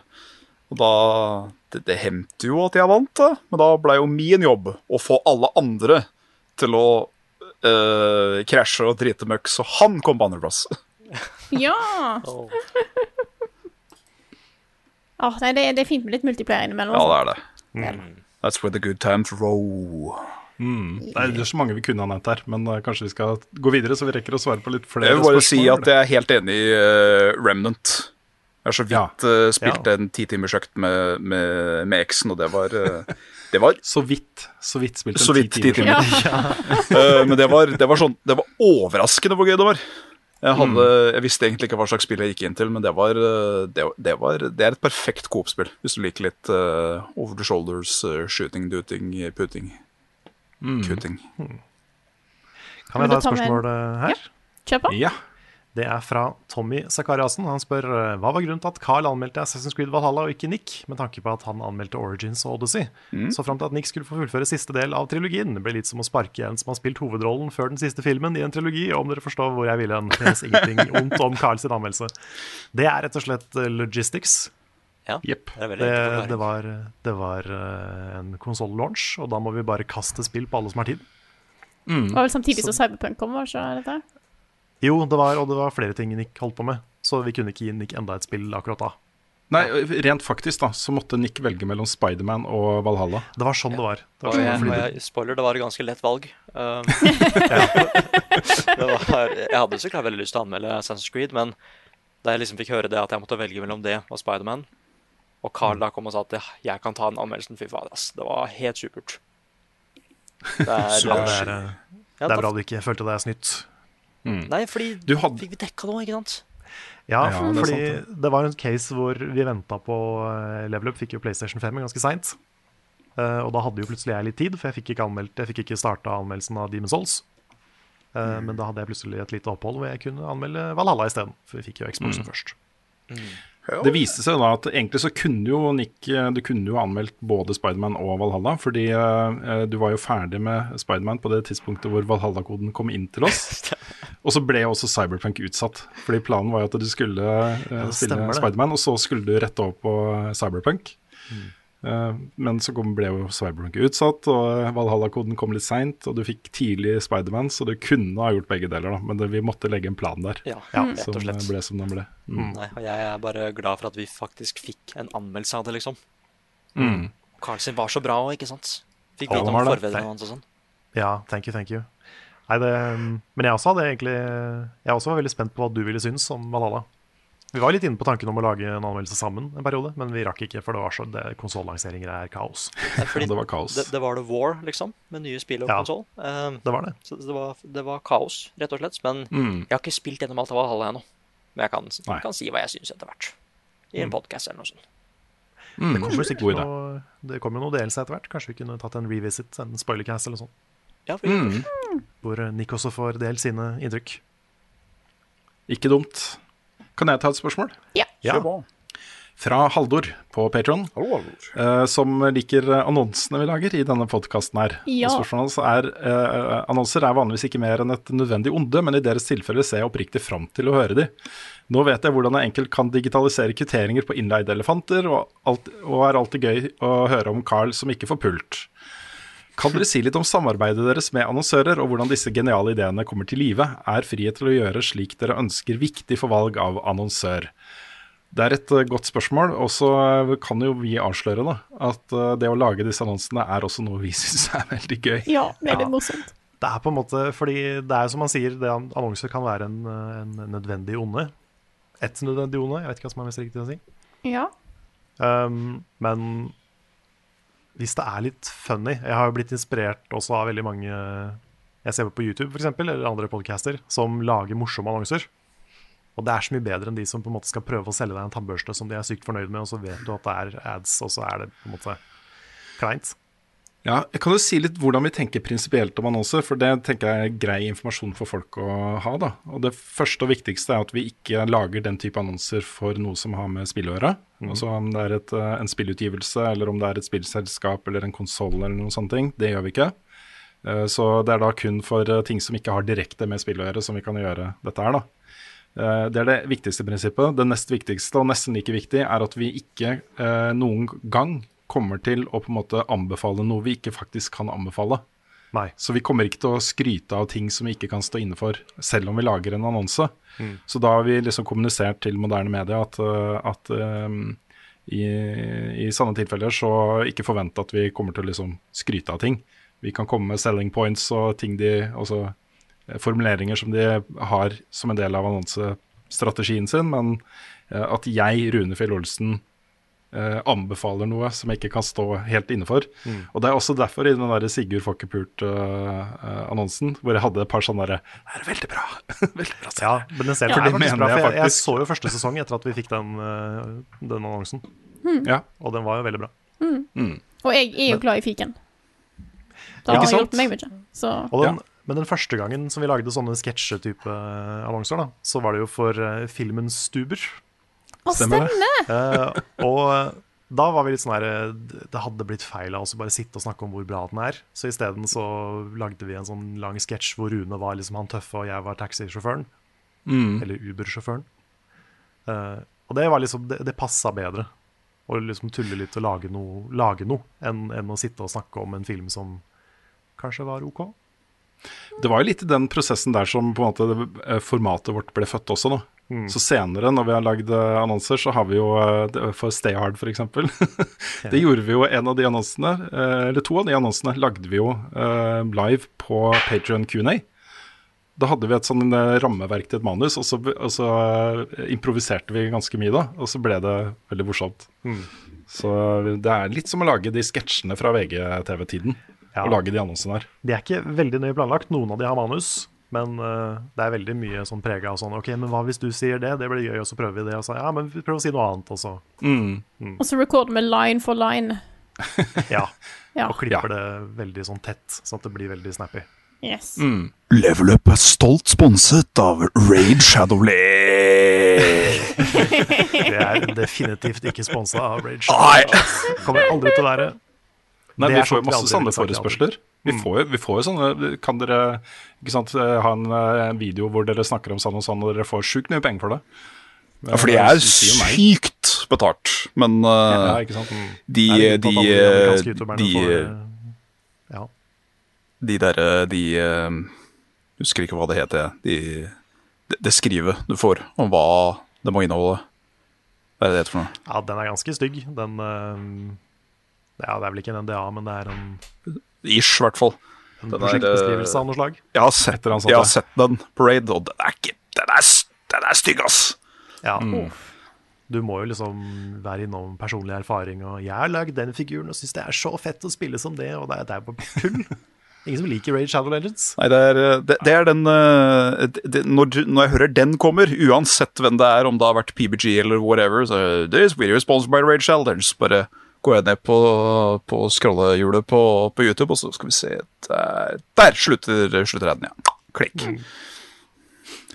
Vi er jo inne på litt sånn essensen av hvem vi er, da, eh, på dette her. Vi, eh, vi eh, ønsker jo ikke å gjøre noe kommersielt som går på akkord med uh, vår redaksjonelle frihet, og det at folk skal kunne stole på at når vi mener noe, så er det faktisk det vi mener. Det er ingen som har betalt oss for å mene de tingene. Nettopp. Um, så, så det er viktig å heller ikke ha noen koblinger, kommersielle koblinger til ting vi skal dekke journalistisk. Da snakker vi om spill og spillutgivelser og konsollutgivelser og sånne ting. Og det handler om at vi, eh, selv om vi nå er indie, vi er fortsatt eh, journalister. Vi tenker fortsatt at vi skal være journalister. Og det viktigste du har som journalist, det er stemmen din. Mm. Og derfor så kan du ikke misbruke den med informasjon du ikke kan stå inne for. Nei. Men uh, kles, uh, klesmerker som Stay Hard og sånt, det er helt greit. Det er gøy. Det er gøy. Det er gøy. Nick var dritkul i de klærne der. Ja, ja, ja, ja. Sexy Jeg lurer på om vi blir nødt til å tenke på å runde av. Ja, jeg Ja. tror kanskje det. Eh, no, jeg tror, vi, eh, jeg tror det blir en beef nok podkast til folk. Jeg tror ikke det er det som er problemet i noen her. Eh, Nei, den blir, Nei. den blir lang, men kan, kan vi avslutte med et siste spørsmål? ja, ok da. Mm. Går det bra? Ja. Det er ingen som må løpe? Fordi jeg må bare spille en liten ting her. Ukens Sin 4. Å, det er en stund siden. Nakenhet og kroppsfokus er alltid et aktuelt tema, til og med i spill. Er det noen spill dere mener har nakenscener dere føler spiller, spiller en naturlig rolle? Og er det noen spill der dere syns det er for mye fokus på kropp? Litt sånn apropos det dere snakka om med, med Persona i stad. Ja. Og jeg syns den første delen av spørsmålet var mest spennende. Det var er det noen spill som har nakenscener som er naturlig? Mm. Kommer vi på noen eksempler med en liksom jeg nakenhet i spill? først og fremst uh, trekke fram Heavy Rain. Ja, som virkelig naila Naila sexscene med Yes. press LNR to unhook bra og sånn. Jeg får ikke denne Bjørna, jeg. Det er to spill. Det er to spill som jeg syns er dødsgode på det. Okay. Og Det ene er, uh, er Wolfenstein, A New Order. Ja, den, det er sant. Der er det, det er helt naturlig at de to har seg i Ja. den settingen de er i. Og de har seg på en sånn måte som føles voksen og eh, riktig, da. Ja, Det er jo veldig sånn rått. De har seg jo inne i, et sånt lite rom på et bord, Ja, ja. liksom. Eh, Mm. Opptil flere ganger. men det er på en måte ikke sånn Det er ikke filma creepy. Det er ikke sånn overseksualisert eh, damekropper. og Det er liksom Det er bare De, de trengte å få seg noe, de. Jepp, det gjorde det. Og så er det Cyberpunk 2077, ah, ja. som jeg syns er dødsgod på det. Og så sånn eh, uh, det, det, Man kan fort bli ganske godt av det som skjer i det spillet der. Har du noen gang blitt kåt av en spillfigur? ja. Det var det første jeg tenkte på. Ja, det var et det, det, hadde jeg fått det spørsmålet i dag, så kan det hende at, eh, at eh, løgndetektoren hadde slått ut. Hmm. Men det er jo fordi dette er veldig godt realiserte, eh, modne, voksne spillroller. Ja. Um, og når de oppleves som, eh, som mer ekte, da, eh, nærmere på en måte skuespillere i filmer og sånt, og eh, den sexbiten gjøres på en måte som, som føles naturlig, så kan man på en måte unngå å, å bli litt eh, berørt på spesielle steder av det som skjer. Eh, og det, det syns jeg er en prestasjon også, i det spillet. Jeg syns det er en, eh, også en viktig, eh, et viktig eh, bidrag til spillmediets utvikling. At man får til naturlig og pirrende sex mellom voksne mennesker i spill. Jeg syns, Ja. det, er, det, det gjorde Cyberpunk 2077 veldig bra. Altså. Det er jo ganske imponerende å få til tasteful nudity i spill. Cyberspunk. Det er ikke mange som har fått det til. Jeg tror ikke jeg kommer på noe særlig flere eksempler enn de du sa. Ah, jeg jeg syns fortsatt at det som har gjort meg mest uh, yr, er uh, sexscenen i Right to Retribution, altså. Ja, ja fordi uh, der hvor de har sex med klærne på, og han bikerduden kommer inn og bare 'Hello, you need help', og så banker han opp en dude, og så har de seg med klær. Og alle er steinansikt, og det er ikke lydeffekter eller noen ting. Ja, det er vakkert. Det er, det er faktisk én scene i Witcher 2. uh, det gjorde ikke noe med meg fysisk, men det var en av de første gangene jeg tenkte sånn også at uh, Hm, dette, dette var ikke awkward. Dette var bare sexy, liksom. Ellers er den åpningssekvensen i Witcher 3 også. Ja, jeg skulle til å nevne det. Syns jeg starter veldig bra.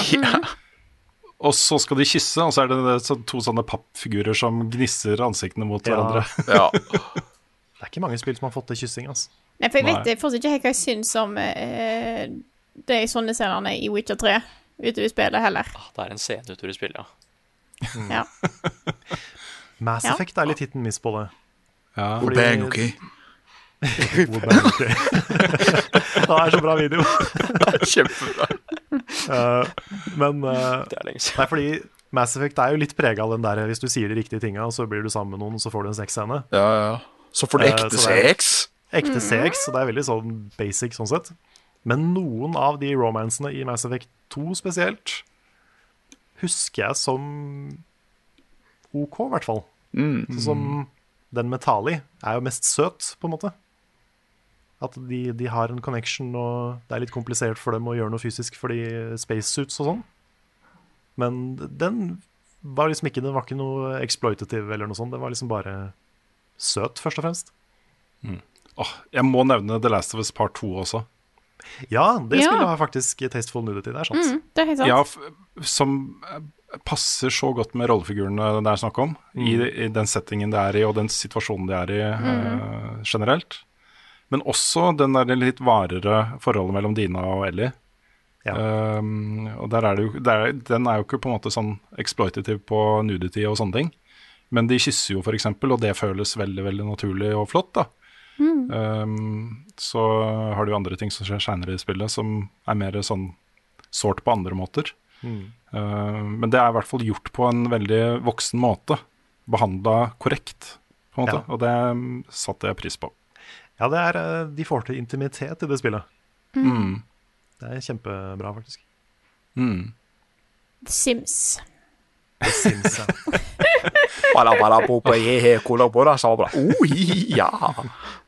Ordnings. Jeg syns fortsatt det er kult at jeg kjenner personlig han som har lagd det norske begrepet ordnings til The Sims. Wow. Nei, så Det gøy. er Tore Sand som er oversetter. da Han oversetter mange av de største spillene som kommer til Norge. Og det er han som fant opp ordnings. Han, eh, Nice. han hadde vi spillquiz med. Vi var på laget med han under spillquizen før vi lagde vårt eget leveropplag. Nettopp. Ja, ja, ja. Pakke seg under snøgløggen og få seg litt ordnings. Ja, ja, ja. Ja, ja, ja, topp stemning. Og med det skal vi ta en runde av, da. Det kan vi gjøre. Kjør på. Dette her er Level Backup, en spillpodkast utgitt av moderne media. Låten i introen og outroen er skrevet av Ole Sønnik Larsen og arrangert og framført av Kyoshu Orkestra. Vignettene er lagd av fantastiske Martin Herfjord. Du finner mye mer innhold for oss på youtube.com slash levelupnord. Jeg holdt på å si Norge der, men jeg tok meg i det. Og twitch.tv slash levelupnord. Og hvis du har lyst til å skaffe deg litt Level Up merch, så er det bare å gå inn på shop.spreadshirt.no slash levelupnorge. Og så kan du være med i discorden vår, discord.gg slash levelupnorge. Og så har vi en Patron eh, som gir at vi kan fortsette å lage dette innholdet her. Eh, det er på patron.com slash levelupnorge. Så det er bare å gå inn og støtte oss med det beløpet du sjøl har lyst til. Eh, Ja, kan jeg nevne en uh, kjapp ting der? Ja. Fordi nå har vi fått masse mer støtte på Patron, og det er jo eh, tipp topp. Nå er jo Nick eh, på heltid. Det er supert. Eh, men det betyr, betyr også at vi kan eh, lønne deg litt, Frida, for, som SoMe-ansvarlig i Level Up Norge. Ja. Det er liksom Pengene går rett til å gjøre oss bedre, og det syns jeg er fantastisk. Det er kjempebra. Mm. Så det, 2021 har starta godt for oss. Det har Yes. det. Det er beste starten på et år noen gang for oss. Mm. Subarashi Og siden det ble sagt, det er ikke sånn at jeg Altså, det er, eh, det er ikke sånn at vi nå kommer til å ha en sinnssykt mye større sosiale mediesatsing. Det, det er nei. for det som blir gjort nå, bare så det er sagt. Det, betyr, eh, det betyr bare at du faktisk får litt, eh, litt betalt, da. Det er ikke svimlende summer det er snakk om, men i hvert fall noe for all den innsatsen du har lagt i. Og den setter vi så stor pris på, Frida. Ja, altså du, Uten du deg, lagt- så Du har lagt Ja. masse innsats inn i discorden og Twitch-bots og Twitch-kanalen og Facebook, Instagram. Instagram. Ja, Ja. så det, det er faktisk ganske mange timer med jobb, altså. Og så syns jeg det er veldig kult at uh, Buffkit Nice har en SoMe-ansvarlig. Det er, eh, En community manager, nesten. Ja, Ja. det er kanskje bedre Det høres ut som det er en bedre tittel, da. Jeg syns hun er ansvarlig bare føles håpløst. That's so det. Frida. Ja, yes. Og så vet jeg at du er så glad i det begrepet, Rune. ja, jeg elsker det. Jeg elsker det. Det er bare ett begrep jeg liker bedre, og det er eh, SoMe-ekspert. Som ekspert, ja. Ja. Ja, men da skal jeg, jeg skal passe på at jeg kanskje får på som, som ekspert etter hvert, da. Sånn at du er Åh, vi kunne kalt det liksom SoMe-pilot eller noe sånt, sånn som alle de kule konsulentselskapene. Ikke sant? Ja, ja. SoMe-astronaut. Ja. SoMe-doktor. Ja. ja, der er vi inne på noe. Emneknagepodden.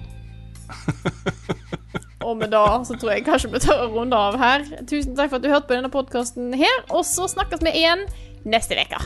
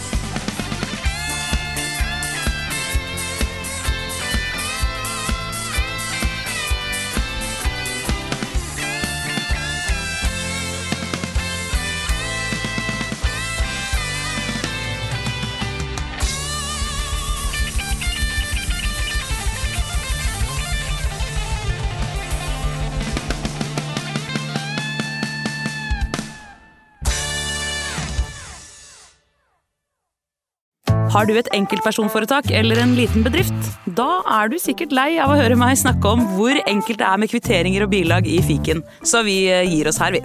Fordi vi liker enkelt. Fiken superenkelt regnskap.